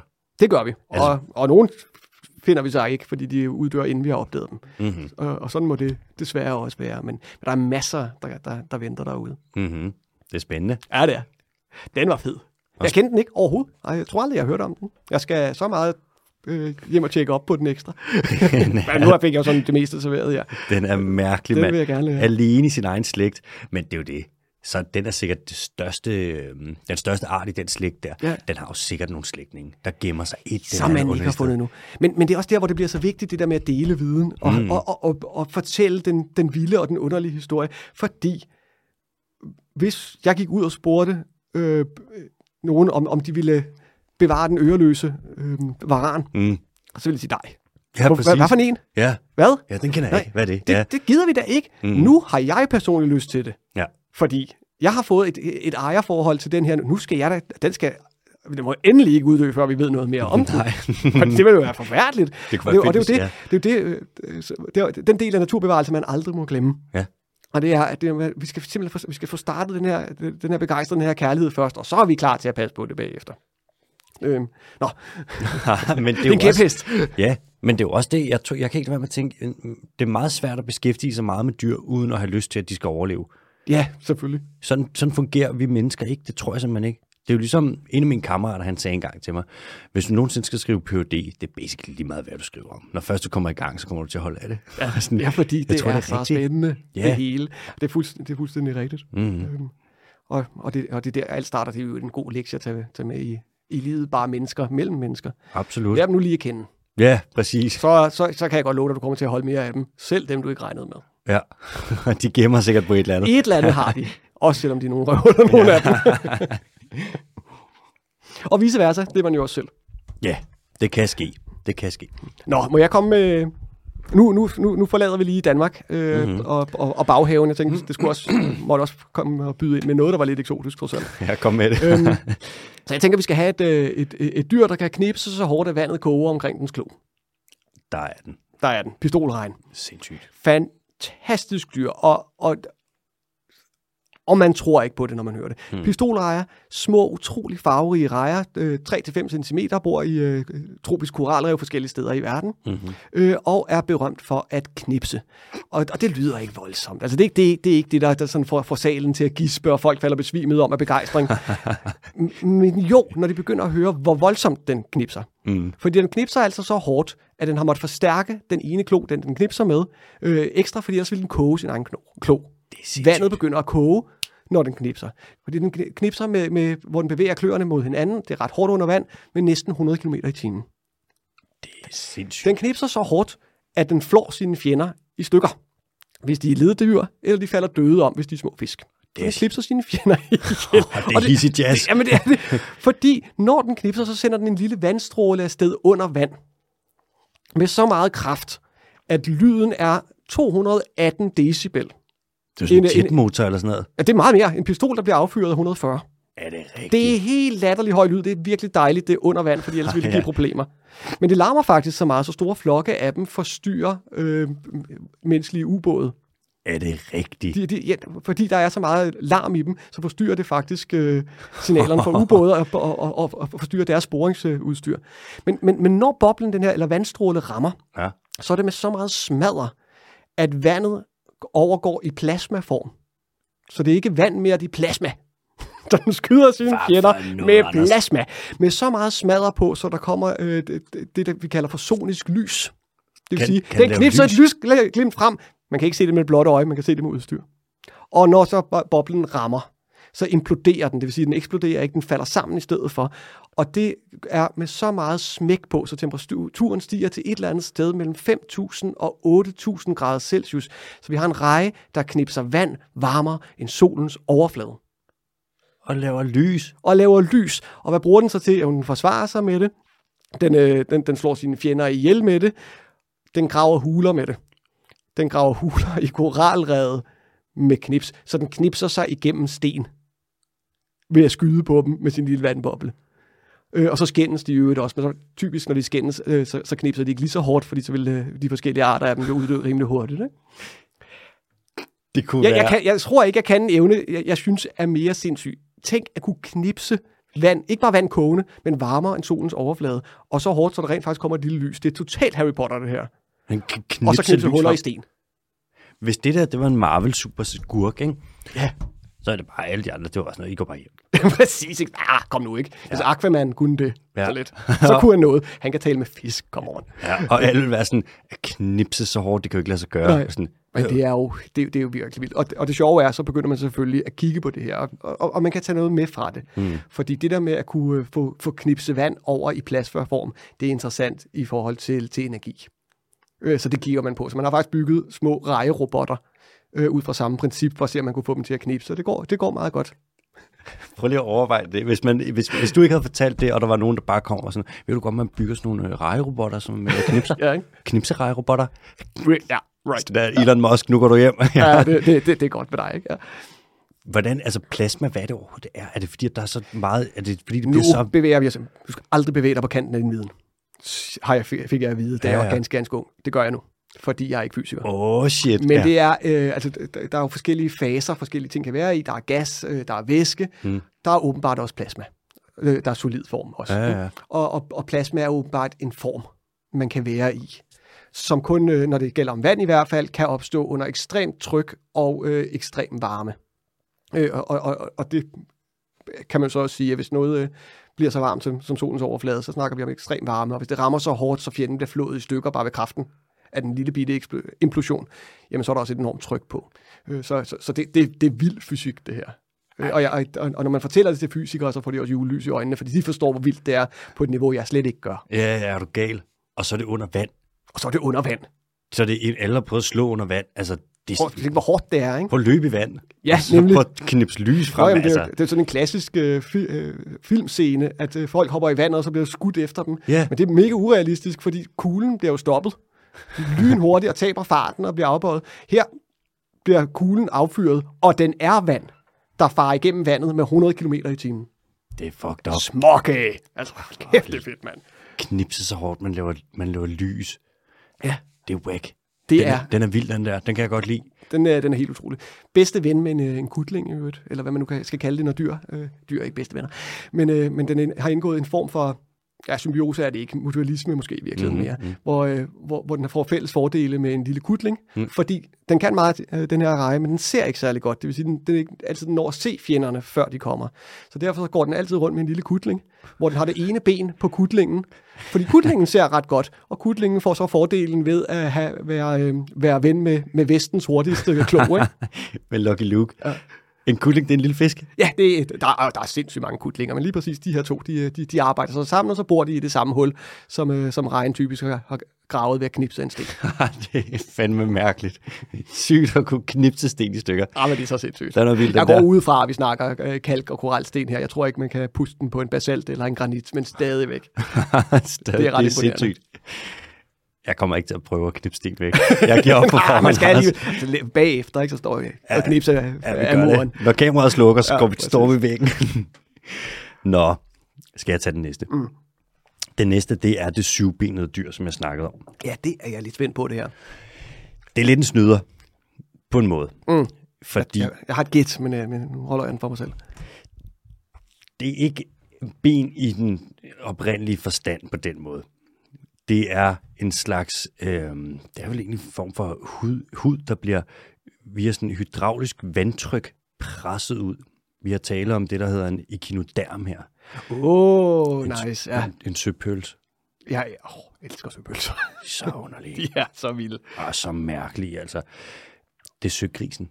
Ja, er Mærkeligste, underlige lille, øh, altså en søpølse, der går rundt ned på havbunden, hvor den kan tage de her, øh, presse vand ud, lave sådan en slags tryk, så den folder benene ud, og så kan den gå frem med sine syv ben. Det er som om den gerne vil være sådan, nej, det skal ikke være lige tal. Fuck, jeg er altså Ja, det og det er så mærkeligt, øh, øh, når man tænker på symmetrien i de fleste øh, dyr. Ja. Øhm, der er en vis form for symmetri nærmest altid. For, øh, når det kommer til echinodermerne, så er det jo typisk med, med et tal omkring 5. Ja. Det er søstjernerne og så videre. Mm. Mm. 7, Er det ikke det underligt? er mærkeligt. Så går den rundt på havbunden der, så spiser den detritus. Den spiser ting, der er faldet ned. Den lever i mørke, selvfølgelig, Ja. under højt tryk. Og så går den der, og jeg kan ikke lade være med at tænke, to ben for os mennesker, det er meget smart. Hvis snøvsen, det vil være sådan lidt, altid hinke, det bliver man træt af. Mm. Tre ben, dårlig sådan ligevægt, alle ved, alle har set Mr. Beans bil. Altså det er sådan, Det er noget råd. det fungerer ikke. Fire ben, meget smart også. Så har du seks ben, det fungerer fucking godt. Det er, har vist at være en kæmpe stor succes i hvert fald. Ikke? 10 ben, også godt. 8 ben, også rimelig godt. Det er som om, de alle sammen taget. Så er det krabstyrene, så er det spindlerne. 7 ben, det er bare den. Og jeg kan ikke være med at tænke, den lever et sted, hvor der er så, alting går så langsomt. Den pølser sig afsted, og hvis den vælter, så er det lige meget, så folder den sikkert bare et ben i en anden retning. Så den kan bare være der med sine syv ben og pølse rundt og være lyserød og grim og. Ah, men det er jo så smukt. Så nogle gange får man dem op som bifangst, når man er ude at tråle og whatever. Og når dyr, der lever så langt nede, kommer op, og de lever under højt tryk, så tit så går de bare lidt i stykker. Så du får bare en slimplat op, så tit har man bare haft sådan noget, et eller andet. Ja, så har du bare stået med et eller andet slim og været sådan noget, "Øh, jeg tror, vi får en kæmpe bussemand. Men når man tager ned og kigger på, hvordan den er på havbunden, så har du bare den her underlige lille, lidt, man kalder den en sygris, fordi den er sådan lidt lyserød. Øh, Jeg har set, uh, set videoer af den også, øh, men uh, Mærkeligt. slet mand. ikke tænkt over det med benene. Syv stykker sted. Men søpølser, altså de, de kan også noget. De var, de var meget, meget tæt på at klare sig igennem filteret. For, der, er søpølser, der har evnen til at kaste deres egne tarme op. Altså evisceration hedder det. Ja. Øh, og, og, og nogle gange kommer det ud af munden, nogle gange kommer det ud af den anden ende. Så smider man tarmene ud øh, A som forsvar, fordi det klistrer er ulækkert. Mhm. Og det er, hvad man har, når man er søpølse. Eller B som slankekur. Når det bliver vinter, så smider man simpelthen hele tarm- og mavesystemet ud, for der er ingen grund til at have det, for der er lige ikke noget mad i vandet. Så er det spild af energi at have det. Så de, de, de, de smider simpelthen bare hele maveindhold, inklusiv tarme og mave ud, fordi nu er der ikke mad. Altså her i januar, hvor alle går på slankekur, og det, er jo genialt, ikke? Så, Så, så det skal 1. ikke bruge det januar, jeg brækker lige tarmene op, og så laver jeg dem igen, øh, når det bliver forår. Ja, ja. Det, det, det kan søpølserne. Og så kan de om, og det synes jeg er helt utroligt, de kan omdanne, nogle af dem, mm. omdanne deres eget kollagen. Altså, altså, de Altså- laver deres kollagen om, så det får en anden struktur, så de ændrer øh, øh, kroppens øh, spændstighed. Øhm, ellers, vores, hud, øh, vores huds spændstighed er i meget høj grad præget af vores kollagen, og når den bliver gammel, øh, jamen, så bliver den mere stiv, og det er derfor, vi bliver rynket, fordi kollagen, vi taber lidt kollagen. Mhm. Og elasticin i øvrigt, men lige meget. Mm. Øh, søpølserne kan gøre det med vilje. Så når de skal igennem en sprække, det er jo sjældent, de er de store højdespringere eller dansere. Så i stedet for, så ændrer de deres eget kollagen, så splatter de helt ud, og så kan de klemme sig igennem alt. De er verdens smidigste dyr. Og de kan gøre det på rimelig kort tid. På rigtig kort tid, og når de kommer ud på den anden side af sprækken, jamen så ændrer de kollagen tilbage, så får de deres gode øh, svulmende øh, spændstighed tilbage. Det er jo vildt. Det er sgu da Og jeg kan også love dig for, at det, det, der, er, der er nogen der i, øh, i skønhedsindustrien, der sidder og kigger lidt på det her. Fordi, ja. uh, Og- gen, gen, genspændstig øh, kollagen. Er du sindssygt? Hold da ferie. Det kan noget, ikke? Vores hud er altså også, når man vil sammenligne med andre dyr, ikke, øh, altså, vi kan ikke rigtig tåle så meget sollys. Nej. Den begynder at rynke, og den er rimelig sådan tynd og svag. Og hvis man kigger på andre dyr, også nu mange af krybdyrene, der kan skifte farve, så er de små ja. krystaller, der sidder kromatoforer og kan skifte farve, som er blæksprutter, der kan gøre det samme. Og alle mulige egenskaber. Padder, der kan trække vejret igennem Gennem huden. Padder, der kan spise, øh, gennem, altså optage næring gennem, gennem ma- øh, maveskinnet. Det er også vildt. vanvittige padder, der spiser deres mors hud. altså, det er sådan, og vores hud, der er det bare sådan noget, ja, den er der smør creme på. Ja, præcis. Det er, hvad det er, ikke? Ja. ja den, er- den er lidt fesen. Mm. Det var den, Anders. Det var søkrisen. Det var søgerisen. Hvad er sugen? Nu skal jeg prøve at se at komme i tanke om, fordi nu tjekker jeg lige, hvilken den. en, jeg egentlig havde øh, smidt på som nummer 4. Er det ikke det, jeg er nået til? Mm. ja, den her. Den, den, altså, hvis du kender den, så bliver jeg sgu imponeret. Øhm, så vi, vi, vi, vi tager den, fordi jeg bliver nødt til at tjekke latins navn på den. Den behårede frø fra øh, Cameroon. En frø med hår. Ja, det har den selvfølgelig ikke, fordi den er en padde. Mm. Den, øh, den bliver også øh, kaldt for, for jærvfrøen, eller i hvert fald Wolverine Frog. Er det rigtigt? Ja, fordi, og det er derfor, den fik lov til at komme med, blandt andet, Mm den har evnen, når den bliver truet af fjender, så knækker den sine tåknogler, så de stikker ud gennem huden som små knive. Og så sparker den sine fjender med sine egne knækkede knogler. Når fjenden så er løbet væk, så trækker den knoglerne ind igen, får det til at hele op igen. Den er ligesom jærven i Marvel. Hvis man kan huske jærven, så er det ham der superhelten, der Ja, kan skyde, Wolverine, ja, ja. øh, skyde øh, knive ud af sine knor. Det er Hugh Og så Jackman. kæmper den. Det er Hugh Jackman lige præcis. Det er en frø i Cameroon, der gør det. Det kan gøre det samme. Den gør det. Og når den så ikke øh, har, har gjort det, altså det, det er åbent benbrud, den gør, som den så jabber sine fjender med. Det er og, de fucking og, de, og, de, og de knivskarpe, og så trækker den tilbage igen. Og fordi den er en padde, og, de, og padder jo har de her fantastiske evner til at regenerere, mm. jamen så vokser det hele sammen igen. Den gendanner sin hud, som om ingenting var sket. Den Det synes er jeg, vild. den skulle med, fordi jeg synes, den er så vild. Så er den sjov, fordi den er behåret. Hvordan? Hvad, altså, hvad? Jamen, det er det ikke. Den, den, den laver, det er hud. Det er, den, det er dens egen hud, Ja. men som den lader vokse ud i strimler på siden. Så det ser ud som om, altså, det ser ud, som om den har fået de vildeste bakkenbarter bare helt ned langs kroppen. Og de øh, tror man, fordi vi ved det ikke helt, vi ved ikke særlig meget om den i virkeligheden, tror man hjælper den til at trække vejret lidt mere øh, effektivt, fordi den får ekstra hud overflader. Som du sagde, de- de ånder gennem huden, mange af de her padder.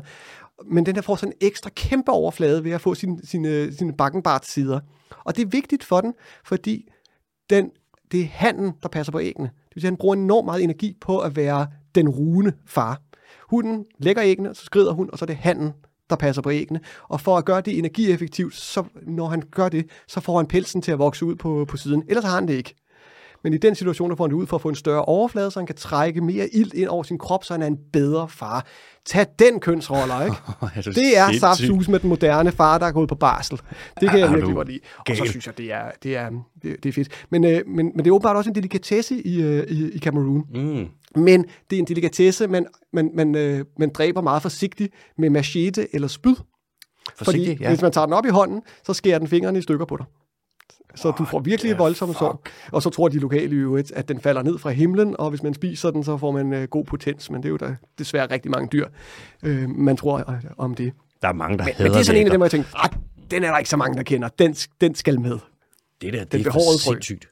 Brækker lige sine egne knogler og bruger det som våben. og så smadrer du fjenderne på den måde. Det er fucking sindssygt. Det er fedt. Tænk, man har fået det på en superheld, og de har sikkert ikke engang kendt til den, og været sådan, nej, i virkeligheden, så er det rip-off, der var patent på. Ja, nemlig. Den, her, den, her, den har vi kørt i millioner over det her. Ikke?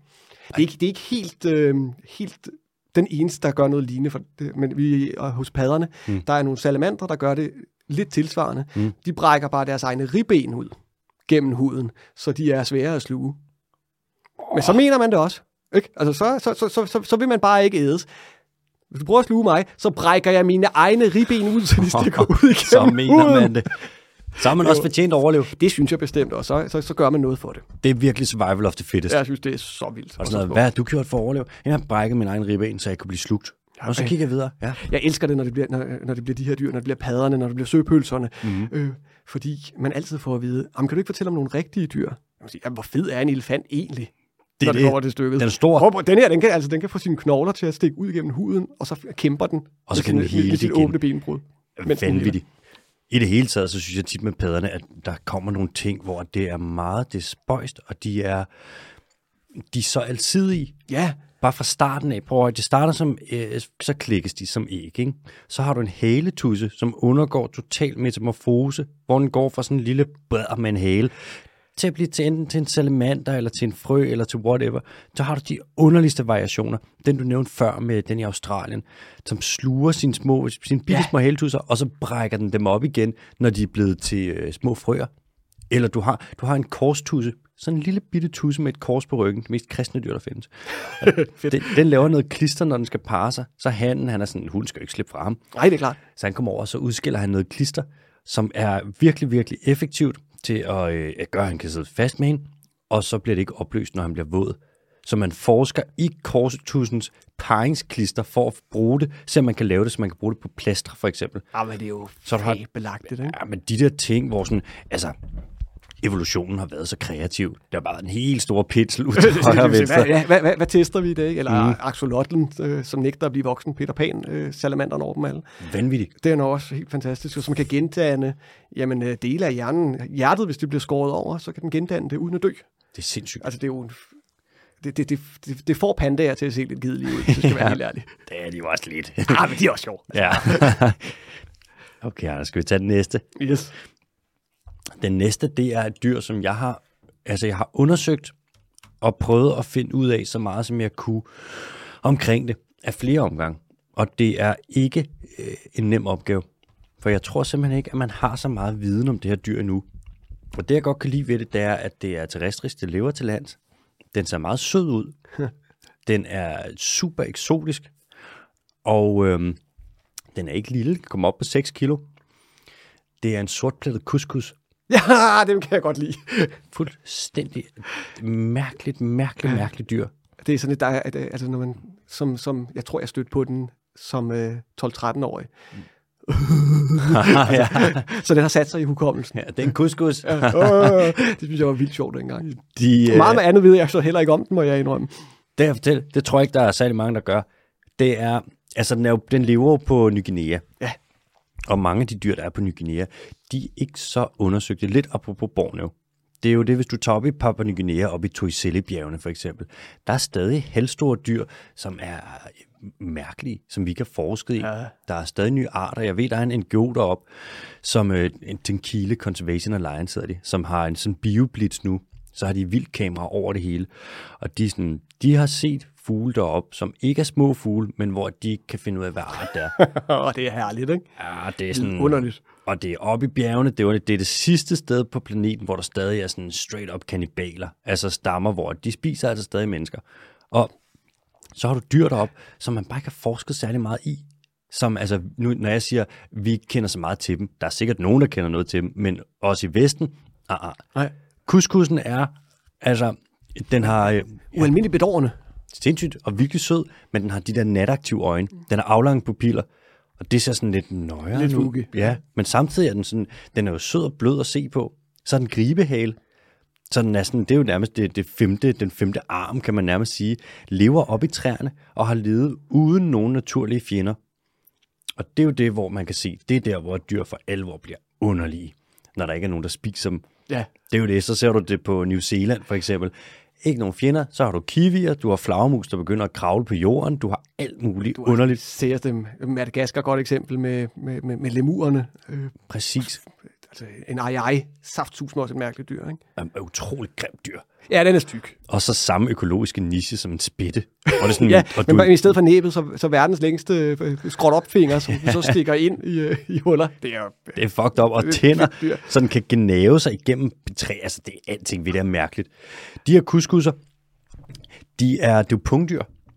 Så der er jo nogle ting, vi ved om, bare i kraft af, hvad det er for nogle. Blandt andet det med, at når pungdyr, de føder, så føder de ud i pungen. Og de unger, de får, de er bitte, bitte små. De er jo på størrelse med, altså hos nogle af de største punkter, nogle af kænguruerne, der er ungerne, de er på størrelse med grønlandsrejer. Så kommer der sådan nogle, kommer der sådan nogle små nogen ud, og de er så små, og de er så skrøbelige, og så, de skal så hurtigt over at have mælk, at de, det er et spørgsmål om ikke særlig lang tid. Så hvis de ikke får fundet en pat, så lægger de bare dør i pungen. Så ligger de derinde i lang tid og vokser stille og roligt op. Det er jo det, i stedet for at vi har det jo med os. Vi har jo, øh, hvor at ungerne de udvikler sig i livmoren. Og så ja. føder vi jo en stor unge, ikke? Men hos pungdyrene, nej. Ud? Ja. Ja, ja. ja. Det, 12-13 dage, så, så, så, så, så, så kan du godt komme ud. Præcis. Og så ligger den bare inde i en punkt, hvor det er nærmest og sådan... hænger fast der. Ja, og, og, Underligt. og, og, og møder livets øh, uretfærdighed ret hurtigt, ikke? fordi mange af de her tasmanske djævel for eksempel, mm. men der er øh, et vist antal divorter, fire måske, eller hvad det nu måtte være, Ja. men der bliver født 16 børn. det er så nederen. krav, lille ven. Ja. Fordi hvis du, er, hvis du kommer op som nummer 5, så er det bare ærgerligt, så er de taget. Ja, så er det bare slut. Ja. Så kan man bare sidde der og lige se sin øh, søskende overleve, mens man dør. Den, øhm, ja, måske, altså der findes nogle arter af kuskusser. Jeg ved ikke præcis hvor mange, men jeg ved i hvert fald, at der er en lille håndfuld i den her slægt, og vi er ikke helt sikre på, hvor troede de er. Nej. For man har, ikke, man har ikke undersøgt det så meget. Det minder mig på mange måder om trækinguruerne. Mærkeligt. Altså, fucking, det er pungdyr, der lever op i træerne. Det er på Ny Guinea. Det er bare evolutionen, der har fået lov til at lege. Og så nogle af dem er højst sandsynligt rigtig troede, men vi ved det ikke rigtigt. Og vi har ikke rigtig undersøgt hele skoven, og der er nogle oprindelige folk, der lever nogle steder, hvor det er sådan, ah, der går vi ikke lige hen. Og så har man de her underlige pattedyr, der får lov til at rende rundt og leve, uden at vi skal beskrive dem og sådan. Jeg synes, det er fascinerende. Ja, ja både og. Det, det er fascinerende, og sådan lidt, det, det begynder sådan helt klø i fingrene.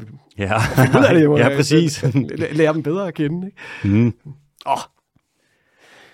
Ja, nu bliver det svært, ikke? Fordi øh, nu, kan jeg, nu, ja, nu får jeg lyst til fuldstændig at skifte ud i, mit, øh, i, i min planlagt liste. Jamen nu, når vi kom til punktdyrene, og, og, og, og, de virkelig bizarre, ikke? Altså, jeg, jeg havde egentlig tænkt, at vi skulle droppe øh, øh, næbdyret, og det, ah, det gør vi nok også, så. Men Anders, vi kan godt lige tage den. Jamen, ja, næbdyret. Øh, Da, da næbdyret først blev beskrevet af, skal vi kalde vestlige forskere, mm. så troede alle, det var løgn. Ja, Fordi den ligner, at man har taget en and mm. og banket den hårdt sammen med en bæver, og så lige givet den ben fra en odder. Altså, det er et dyr, der ikke. Det er et pattedyr, der har giftkroge. Det er et giftigt pattedyr. Det er et pattedyr, der kan fornemme elektrisk strøm fra, sit, fra, fra sit bytte. Altså, den har elektrisk sans. Det er et pattedyr, der ikke føder unger, men lægger æg. Whack. Meget sært. Det er et pattedyr, der ikke har patter. Altså, det, det, det, det er selve definitionen af, på, på, et pattedyr, har den ødelagt. Eller er fra en tid, hvor det ikke var øh, opstået nu. Den svider mælk ud, i stedet for på, på buen, og så samler det sig bare i små hårtotter, og så må ungerne så su- sutte på det øh, mælkesveddrøbende pels. Hej, mor. Det er så bizart et dyr, øh, at, at, at, den, at den burde være kommet med, det gjorde den så ikke. Og det samme med, med, med Myrepindsvin. myrepindsvinet. Ej, jeg har jo lige, øh, der er lige kommet ny viden om øh, myrepindsvinet. Vi får dem i suge, ikke? Øh, det, var, det, var- det, det kan det godt være, det var, det var ikke det. Ja. Men øh, man har fundet ud af, hvorfor de blæser snotbobler. Hvorfor Man har undret så meget over de blæste snotbobler. Og det er deres måde at svede på. Fordi de har de her pigge, som dækker så meget, så er de enormt svært ved at slippe af med kropsvarmen. Så de bliver så Så de snotbobler. blæser snotbobler, som fugter deres snude, øh, og så taber de virkelig meget kropstemperatur der. Det, der kan være en forskel på, øh, på, på 4 grader fra, fra, fra snottet snude til resten af kroppen.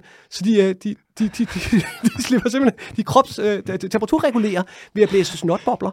Ah, men, Anders, det er mærkeligt. det er fantastisk. Og så har de øh, fire hoveder på penis, og altså, der er de jo herlige dyr. Og de render rundt efter hunderne, og så kalder du det et paringstog. ja, altså, det er en så- underlig leg. Det er meget, meget, meget Altså, noget beskidt faste lavn. Ja, præcis. Nå, øh, men det, det var nu egentlig heller ikke den, jeg havde tænkt øh, skulle være den sidste. Man fandt ud af noget med næbdyrene også for ikke så lang tid siden. Noget, altså som om det ikke var underligt nok. Ja. Så fandt man ud af, at de er bioluminiserende. Nej, biofluorescerende. Så hvis du lyser på dem med UV-lys, så øh, har de forskellige farver. Så de har et grønt mønster og et lillet mønster. Og så har de farver, som skal som rovdyr, der ligesom kan se UV-lys, de, ikke, de kan ikke se en del af næbdyret. Så deres hale lyser op med en anden farve end deres hoved, hvis du ser dem med UV-lys på sig. Så rovdyr vil angribe halen først, for de kan ikke se hovedet. Og sådan, det er flyveæren, de er biofluorescerende. Så når du lyser UV-lys på dem, så, skift, så har de en anden farve, og farvemønstrene er altid sådan, så rovdyr vil gå efter den mindst vigtige del Altså, hvis vi kunne se UV-lys... Lige præcis, ikke? For så er vi tilbage til det der med vores manglende evner. Ikke? Vi har mm. tre øh, far- farvereceptorer i Ja. øjnene. Øh, sådan en som, øh, som havknæleren, Mm. som, som øh, i øvrigt også slår ufattelig hårdt, så den kan lidt af det samme som pistolregn. Mm. Den har øh, 14 eller 16.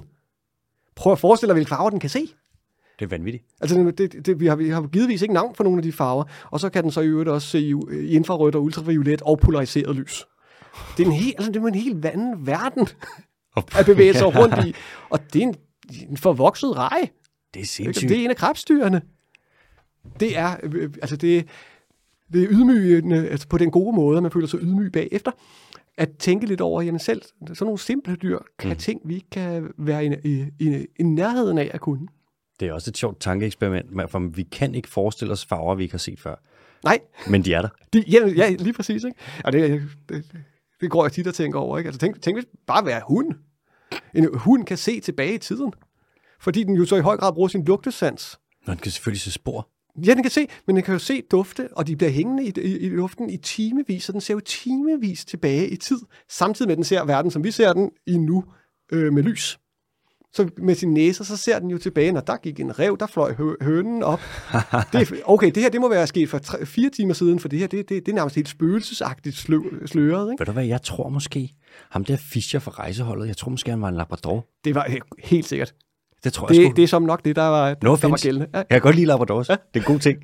Vi kan jo ikke, altså, øh, hvis vi skulle lukke noget, som vi ikke ligesom kan registrere, fordi vores receptorer i næsen ikke er udstyret til det, eller hvis vi skal se noget, vi ikke kan se, det kan vi jo ikke kun med vores øjne eller vores næse, men måske vores hjerne ville kunne registrere det, hvis vi fik det input ind. ja. Så hvis man ligesom bypassede vores sanseapparat og gik direkte i hjernen, det er jo der, hvor sådan, ja, nok lidt et fyr eksperiment, ikke? Det ville nok være lidt uetisk på en eller anden måde, ja. Men man vil nok godt kunne opfatte farver, som man ikke kan se. Prøv lige at tænke, hvor sygt det kunne være. Ja. Det er altså bare sådan, så LSD og lange byture og alting. Fuck det der. Nej, nej, det der, det er det nye. Men det, og det er jo ikke så, øh, så farfetched i virkeligheden, for der er jo folk, der øh, har en eller anden form for anden sammensætning i hjernen. Jeg, jeg, jeg, jeg bruger generelt ikke ordet fejl, når det kommer til den slags, fordi mm. variation er så meget mere rigtigt. Ja, ja. Så de øh, hører farver og lugter lyde. Så, så de hører en, en, en, en, en, en, en lyd, altså lydbølger, så aktiverer det farver eller duft eller noget andet. Det er jo en helt anden måde at opleve verden på. Øh, og det, og det, er ikke, det er ikke sådan så, så sjældent, så vidt jeg øh, forstår. Det er meget svært at sætte sig ind i, når man ikke kan selv. Men det er sådan en helt anden måde at, at opleve verden på også. Ikke? Sindssygt. Ja. Nå. Nå, min sidste ja. bliver, nu skal jeg vælge en, øh, og undskyld, undskyld alle de andre. Mm. Jeg tror, vi tager øh, Yeti-krabben. Åh, oh, ja, okay. Det ja. er en, og, og til dem, der nu ikke lige kender den, så er det en hvid 15 cm lang krabbe, som bor ved øh, undersøiske vulkanske gejser. Altså dem, der skyder kogende giftigt vand op. 350 grader varmt vand bliver skudt op. Svine giftigt. Så giftigt, så, øh, så Yeti-krabben bliver nødt til at gøre noget for at overhovedet kunne overleve der. Men den er nødt til at bo der, fordi den bor i et område, hvor vandet er 2 grader varmt ellers. Det er for koldt. Det kan man ikke få noget ud af. Der er dejligt varmt lige omkring gejseren. Der er måske 35 grader varmt. Herligt sted at bo. Men der er så giftigt, så man dør. Så hvad gør den? Den dyrker bakterier på sine behårede arme og sit behårede bryst. Det er derfor, den hedder Yeti, afskyelig snemand. Den er pelset. Og i pelsen dyrker den bakterier, og de her bakterier bruger den så til at rense gift ud af vandet, så den kan bo et dejligt varmt sted. Og når man nu alligevel har gjort det, så kan man jo lige så godt udnytte det. Spiser den dem? Så den spiser det selv, så den filtrerer bakterier fra sit eget behårede bryst og æder det, mens den bor ved en undersøisk øh, gejser, der skyder 350 grader varmt vand op. Og, de, og de er super populære, de her gejser, så der, der kan være op til 600 yetikrabber per kvadratmeter. De sidder i tykke lag oven på hinanden for at komme tættest på det her giftige helvede under vand. Øh, så den fik lige lov til at være med, med, med den sidste også, fordi at jeg kunne overstå den rimelig hurtigt, fordi meget mere ved vi altså heller ikke om dem. Vi tror nok også, de spiser kød, fordi de har ret øh, skarpe klør. Man har ikke set det. Øh, men, men de har redskaberne til det. Men man har lidt svært hvad, hvad, hvad, hvad, hvad skulle det så være? For det er ikke, fordi der kommer så meget andet hen til sådan en giftig, kogende kilde under øh, dybt, dybt, dybt nede i oceanet. øh, men, men fantastisk. Og så er en af dem øh, opkaldt efter David Hasselhoff, Er det rigtigt? Ja, fordi at den har sådan et behåret bryst. Er det rigtigt? Ja, Ja, så, så, så den skulle lige få lov til at sidst. I øvrigt blinde og, og, og helt, helt vildt blege, fordi når man bor nede i, i dybhavet, hvor der er bælragende mørkt, Ja. ja. er der jo ikke nogen grund til at investere i farver eller syn. Det er ligesom at bo i grotter. Ja, Det samme. det er jo Ja. ja. som er en, øh, Der kunne vi lave som en helt tangent øh, af sig selv. Det er, også, det er også vildt. Jeg skal næste gang, hvis jeg føler mig sådan lidt underlig, eller sådan lidt aparte, så tænker jeg, jeg kommer til at tænke på den der krabbe, og være sådan, nej, jeg er jo, jeg er jo fuldstændig normal. Det der, det Det, det der, der er jo ingenting. Ikke? dækket af bakterier, som simpelthen kan filtrere det her gift fra, hvad de her kilder, den lever ved, og så æder den også lige Og så bakterierne. æder den lige bakterierne. Så den dyrker sin egen, øh, sin egen middag i håret øh, på, på brystet. Jamen, hvorfor ikke? Men det er jo en fantastisk udvikling, en fantastisk niche at vælge også. At sige, jamen der er ikke meget liv, der kan overleve her, for det Ja. bliver kogt og forgiftet. Hold min øl. Ja, præcis. Jeg kan godt. Over millioner år. Nu må de være Mærkeligt. rykket tættere og tættere på. Ikke? Familie med eremitkrebs tror man nok. Altså det er sådan det tætteste på. Okay. Men, øh, men ikke med kæmpe store sneglehuse øh, på. Ja, prøv at tænke, det er ikke sådan, noget, det, det er ikke sådan en evolution, lige laver overnight. Hvor det sådan Nej, noget, nej, det, det, det, Ja, det så tager har vi en strandkrabbe her, den rykker sig ned, og så i morgen, der er den nede på øh, ved en varm kilde, hvor den Det- sidder og spiser nej, det bakterier fra sit det hår. Puh, ja, det går ikke hurtigt med sådan noget natur. Okay, Anders, nu har vi jo taget alle de fem, som vi har, men jeg har også et, et lille bonusdyr. Jo. Okay, godt. Der har vi, det har du også. Ja, ja, mange. Og det er sjovt, at det bonusdyr, som jeg har taget med, det nævnte du faktisk også lige før. Og det var også, den er lidt ligesom nøgenrotten. Den er svær at komme udenom, fordi den er meget, meget, meget, meget, meget mærkelig. Og det er et dyr, som vi har brugt utrolig meget i forskningen og stadig bruger. Og det er et dyr, som jeg synes, at vi kan lære noget af at kigge på det her tilfælde med det her dyr. Det er axolotlen. Ah, men det er så vidunderligt et dyr også. Mærkeligt. Ja. Altså en, det er en padde, som aldrig rigtig kom ud af haletussestadiet. Den bliver ved med at have manken med gælderne, ikke? Præcis. Og man kan godt få dem til at gå ud af det, det her stadie, selvfølgelig. Ved du, hvem der fandt ud af det? Nej. Aldous Huxleys bror, Nå, sjovt. ja. som hedder, åh, jeg kan ikke huske, hvad han hedder, men han var jo øh, biolog. Og han begyndte, altså jeg ved ikke, hvordan han har fået ideen, men han tog dem, og så sprøjtede han taurin ind i dem. Ja. Og så lige pludselig undergår de metamorfose, og så får du noget, der ligner en bleg leopardsalamander. Altså, hvor det hele er så mærkeligt. Det er så sært, ikke? Og kig på en axolotl, hvilket der, de er jo super søde at se på. Det ligner, de smiler, og de sidder der med De små er gælder. så fine, ikke? Øh, Både i øh, albinoformen og den mørke form. Det er meget, meget nydelige dyr. Helt vildt. Og så tænkte jeg, jeg tror skulle lige have sprøjtet noget taurin ind i den der. Jeg tror lige, at noget tyrehormon. Jeg skal den lige have. Ja. Og så lige pludselig så undergår de metamorfose og bliver voksne. Men de kan jo også formere sig i haletussestadiet. Altså det svarer til et spædbarn, der får børn. Det Ja. er, eller et stort spædbarn, der får børn. Ligesom den der kæmpe baby, Giro Heksene. Det er, Ja, og reelt vel egentlig øh, øh, et foster. Fordi at øh, de, Nå ja, de, det er de, er ikke engang, altså, de er ikke engang nået til lungestadie du endnu. har ret, det er et foster. Det, det, det er jo helt vildt. Altså, det er mærkeligt. De kan regenerere som nærmest ingen andre dyr. Altså ved echinodermerne, de kan også, altså pikudderne. knap det. Det er jo det. De regenererer bare sådan til morgenmad. Men blandt padder, man har taget axolotler og lavet nogle forfærdelige eksperimenter. Du har taget axolotler og fjernet, som du siger, en del af hjertet. Jamen, så går de bare lige hjertet ud igen. Man har taget axolotler og fjernet deres ryggrad. Han går bare lige ryggraden tilbage. Jamen ikke. Altså, De helt ærligt. Altså, de kan regenerere så meget, så det er, sådan, det er helt fucked. Fjerner bare lemmer og alting, helt lortet vokser ud igen. Så man vil rigtig gerne finde ud af, hvordan er det, de gør, og hvordan fungerer det her, og kan vi bruge det hos os mennesker? Men der er et stort, en stor, ikke så nice ting ved hele det her. De axolotler, vi har i fangenskab, de er indavlet helt af helvedes til. Ja. Vi har startet axolotl bestanden i fangenskab fra meget få individer, og vi har ikke rigtig været i stand til at få indavlen avlet ud. Så alle dem, der er i fangenskab, deres DNA, det er ret knast. Det er ikke så godt. Og det gør det svært for os at tage og kopiere det, de gør, mm. og overdrage til mennesker, fordi det er simpelthen, det er simpelthen ikke øh, høj nok kvalitet af deres gener, hvis man kan sige det sådan. De er lige uddøde i naturen over ved Chumilco-søen over Er de i det? øh, Mexico. Det er jo det, man siger, man har ikke fundet dem. Så har du ikke fundet nogen siden 2015. Og Chumilco-søen ligger ved siden af Mexico City. ja, det er et lortested at være. Ja, det forurener helvedes til. Og man har spist dem i mange år. Og nu har man så lige været ude sidste år i marts og sætte nogle axolotler ud i Chumilco-søen, som man vil prøve at få dem øh, tilbage og etablere en ny vildbestand. Men de axolotler, man har sat ud, de er selvfølgelig er super indavlet. Åh, ja. Men fordi de er så gode til at regenerere, så kan de godt overleve den her indavl. For de defekter, de måtte få, hvis de får kraft, det regenererer de sig ud af. Ah, men det er helt sindssygt, ikke? Men vi kan ikke.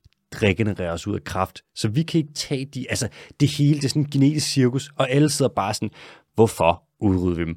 Ja, præcis. Og det er, det er jo den der, åh, hvor er det dumt. Og det er ikke derfor, vi skal lade være med at udrydde øh, dyr. Øh, men det er dumt.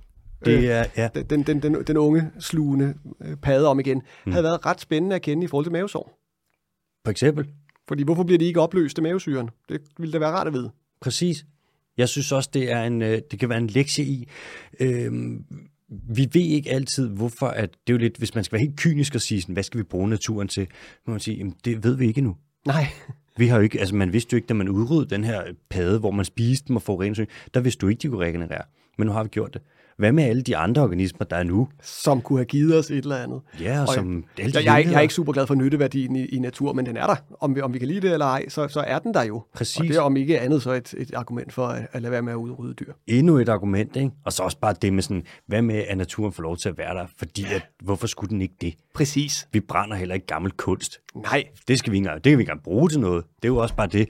Og så var sådan, jamen, hvad, så skal vi bare have urørt natur, som vi ikke piller ved. Sådan, præcis. Ja. Så kan vi lade den være, ligesom skal vi det. at naturen ofte lader os være, og så kan vi fungere. Og det er sådan, alle vinder, ikke? Rørende, rørende enig. Mm, fedt. Og også dem, vi ikke kan lide.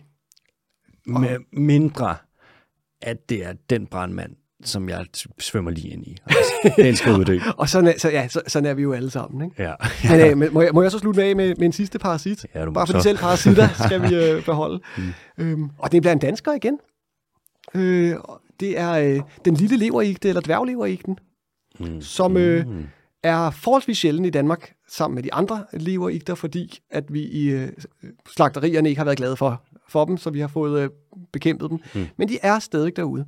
Og den lille leverigte Mm. øh, har så vidunderligt, besynderligt kompliceret et liv, at man tror, det er løgn.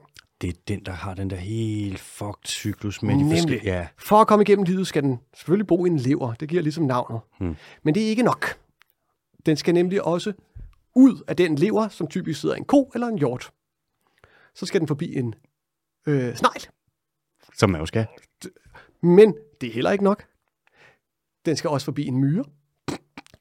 Og så for at, at lukke cyklus, skal den tilbage i ko eller hjort igen. Lad os bare sige en ko. Så det, det, det, det er livscyklus for den. For at kunne komme igennem alle de stadier, der gør, at den, øh, at den kan, kan for- forplante sig seksuelt og aseksuelt, og så komme, øh, simpelthen leve den måde, den nu lever på. Så, så, så først så ud af koen, hvilket er forholdsvis nemt, for der kommer man jo bare ud, ud i tarmen. Man borer sig igennem den stakkels ko, ja. og så kommer man ud i tarmen, og så øh, lander man jo på marken helt af sig selv. Det, ja, ja, ja. Der, der kommer rigtig meget ud af en ko i løbet af en dag. Ja. Og så ligger man jo der, og det er et dejligt sted at ligge og være lun en, øh, en, øh, en, en forårsmorgen, du kan næsten øh, forestille dig det. For så kommer der jo snegle forbi. Og sneglene æder koafføringen, fordi de kan lide brunch ligesom alle os andre. Og på den måde, så kommer den lille øh, leverigte, som er en lille fladorm, ind i sneglen. Aha. Inde i sneglen begynder de så at øh, forplante sig helt sindssygt. Øhm, og så går de i gang med at genere sneglens lunger, blandt andet, men også sneglens tarm. Så, så en stakkels snegl hoster slimkugler op. Der er hostende snegle i Danmark i foråret. Eller også ryger de ud i den anden Jeg synes, jeg ende, har ikke? hørt et eller andet. Ja. Og det er så smukt. Og de her små slimkugler, de er mystisk tiltalende for myrer.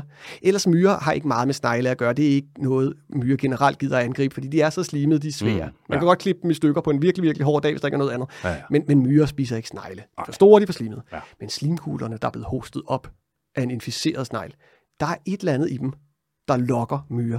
Så myren æder den her slimkugle, og i stedet for at, øh, at, at, at, at, tage slimkuglen ind i fællesmaven, så beholder den i, i egomaven. Myrer har to maver. Mm. En til kolonien, en til sig selv. Mm. Det er fedt nok i sig selv. Mm-hmm. Og så øh, på den måde bliver myren inficeret af den her lille fladorm. Og så de fleste, der, der, der ryger ind i, øh, i myren, de forplanter sig, de kommer masser af dem. De fleste af dem suser sådan ned i bagenden af dem, og så bor de bare der og falder lidt i søvn. Men en af dem, igen, tager en for holdet, kravler op i myrens hjerne og overtager kontrollen med myrens hjerne. Den sætter sig lige ved det, omkring det center, der styrer kæberne. Men samtidig påvirker den myren til at få lyst til, eller hvad myren nu gør, at kravle op i toppen af et græsstrå. Og når den kommer op i toppen af et græsstrå, så trykker den, så myren bider sine kæber sammen, men ikke kan åbne dem igen. Så sidder myren fast i toppen af et græsstrå. Hvorfor det? Jamen det er jo klart, den skal tilbage i ko igen, og køer spiser ikke myrer. man kører, spiser græsstrå. Så den skal op der, fordi så øger den sandsynlighed for, at, øh, at, den, at den ender tilbage i en ko. Det er fuldstændig vildt. Men det, der jeg synes, jeg synes der måske er allermest fantastisk, det er skidesmart, fordi der er jo også andre, der kan finde på at spise myrer i toppen af græsstrå. Det er fugle, og det vil være en blindgyde for den her lille snylder. Det, så vil den faktisk, så vil dens, øh, dens linje dø. Mm. Så øh, den, for, lad kun myren kravle op i toppen af græsstrået i skumringstid, morgen og aften. For det er der, der kører og spiser mest, og der er fuglen ikke begyndt at flyve rundt endnu. Så når det bliver øh, midt på dagen, så lader den øh, myren slippe øh, kæberne igen og kravle ned og sidde og vente ved græsstråets øh, rod, indtil det bliver skumring igen, hvor den så kan kravle op og gøre det en gang til. Det er en lille fladorm, der styrer det her, laver myren til en zombie, fuldstændig tager, overtager kontrol med den, og i øvrigt får, får snegle til at, til, at, til at hoste. Men det er den verden, vi lever i. Det, det, det er de væsener, vi deler planet med. Og hvis man ikke, altså, hvis man ikke bliver begejstret for det, så er man saftsus med en hård hund, synes jeg. Det er med. Det er sci-fi. Det er fantastisk. Det er sci-fi en græsplæne. Og en Ja, god lige mave. præcis. Det er, det, det er lige derude. Den er blevet fundet i Nordsjælland for, for nogle år tilbage, så, hvor, der, hvor, hvor den var genindvandret. Hvilket landmændene ikke nødvendigvis er så glade for. Nej. Og det vil jeg altså, jeg vil heller ikke have den. Den, Nej. den, den, er, den er heller ikke rar at få i, få i egen lever. Den, den, er, Det er den kan godt lave lever om til, til sådan lidt øh, gennemhullet ost, og det har man jo ikke lyst til. Nej, det vil jeg sige. Jeg foretrækker også noget øh, marsdam, og det skal være på en robrødsmad. Ja, Det har jeg altid sagt. som, som vi sang så smukt på Biobar i gamle dage, øh, biologernes bar. Parasitter, der smitter, de elsker ikke dig. og det er, jo, det er jo nok rigtigt nok. Biobar, mand. Hold kæft, Anders, der kom vi fandme igennem. Ja, det var fedt. Er du Ej, nogle der, er dyr, mange, der er altså også nogle dyr, jeg skal hjem og læse på. Ja, lige over det. Ja, altså, det, det, din, din, din ikke-varan. Og, og kuskussen, mens jeg sidder og griner og lader, som om jeg er 13 igen. det, det glæder jeg mig til. Vi bliver nødt til at lave en toer. Der er jo simpelthen så mange dyr. Jeg har en gave til dig. Uh. Ja, som tak, fordi du vil være med. Nej. Jeg laver jo ved siden af alt det andet, så laver jeg lidt uh, snikkeri med en lille snikkervirksomhed. Ja, det synes jeg er et super fedt koncept også. Og vi tager, vi bruger kasseret træ. Ja, Og øhm, så tænkte jeg, hvad fanden skulle jeg lave til dig? Og så havde jeg fået fat i noget egetræ, jeg havde fået fat i noget ahorn, og jeg havde fået fat i noget ask. Og så tænkte jeg, der er én ting, som man altid kan bruge. Det er fandme et, Åh, oh, og der er skildpadden på. ja, lige præcis. Det er præcis havskildpadden. Oui. øh, Som jeg tænkte, om jeg på en eller anden måde kunne snige med, bare fordi at... Man bør altid tale om ham. Tusind tak, hold kæft, den er flot, mand. Det Den er jeg glad for. Ja, Den det er godt. Jeg rigtig, rigtig glad for. Og især fordi den er lavet af genbrugstræ. Altså, jeg synes, det, det er så, så klogt. Det er jo Og det er den vej, vi skal. præcis. Og det er, det er jo lidt ekstra arbejde at tage og få det passet sammen og skære til og alting. Men fuck it. Ja. Så i stedet for at smide det ud eller brænde det. Nemlig. Anders, du skal have tusind tak, fordi du var med. Skulle det være en anden gang, som man siger. Det skal det.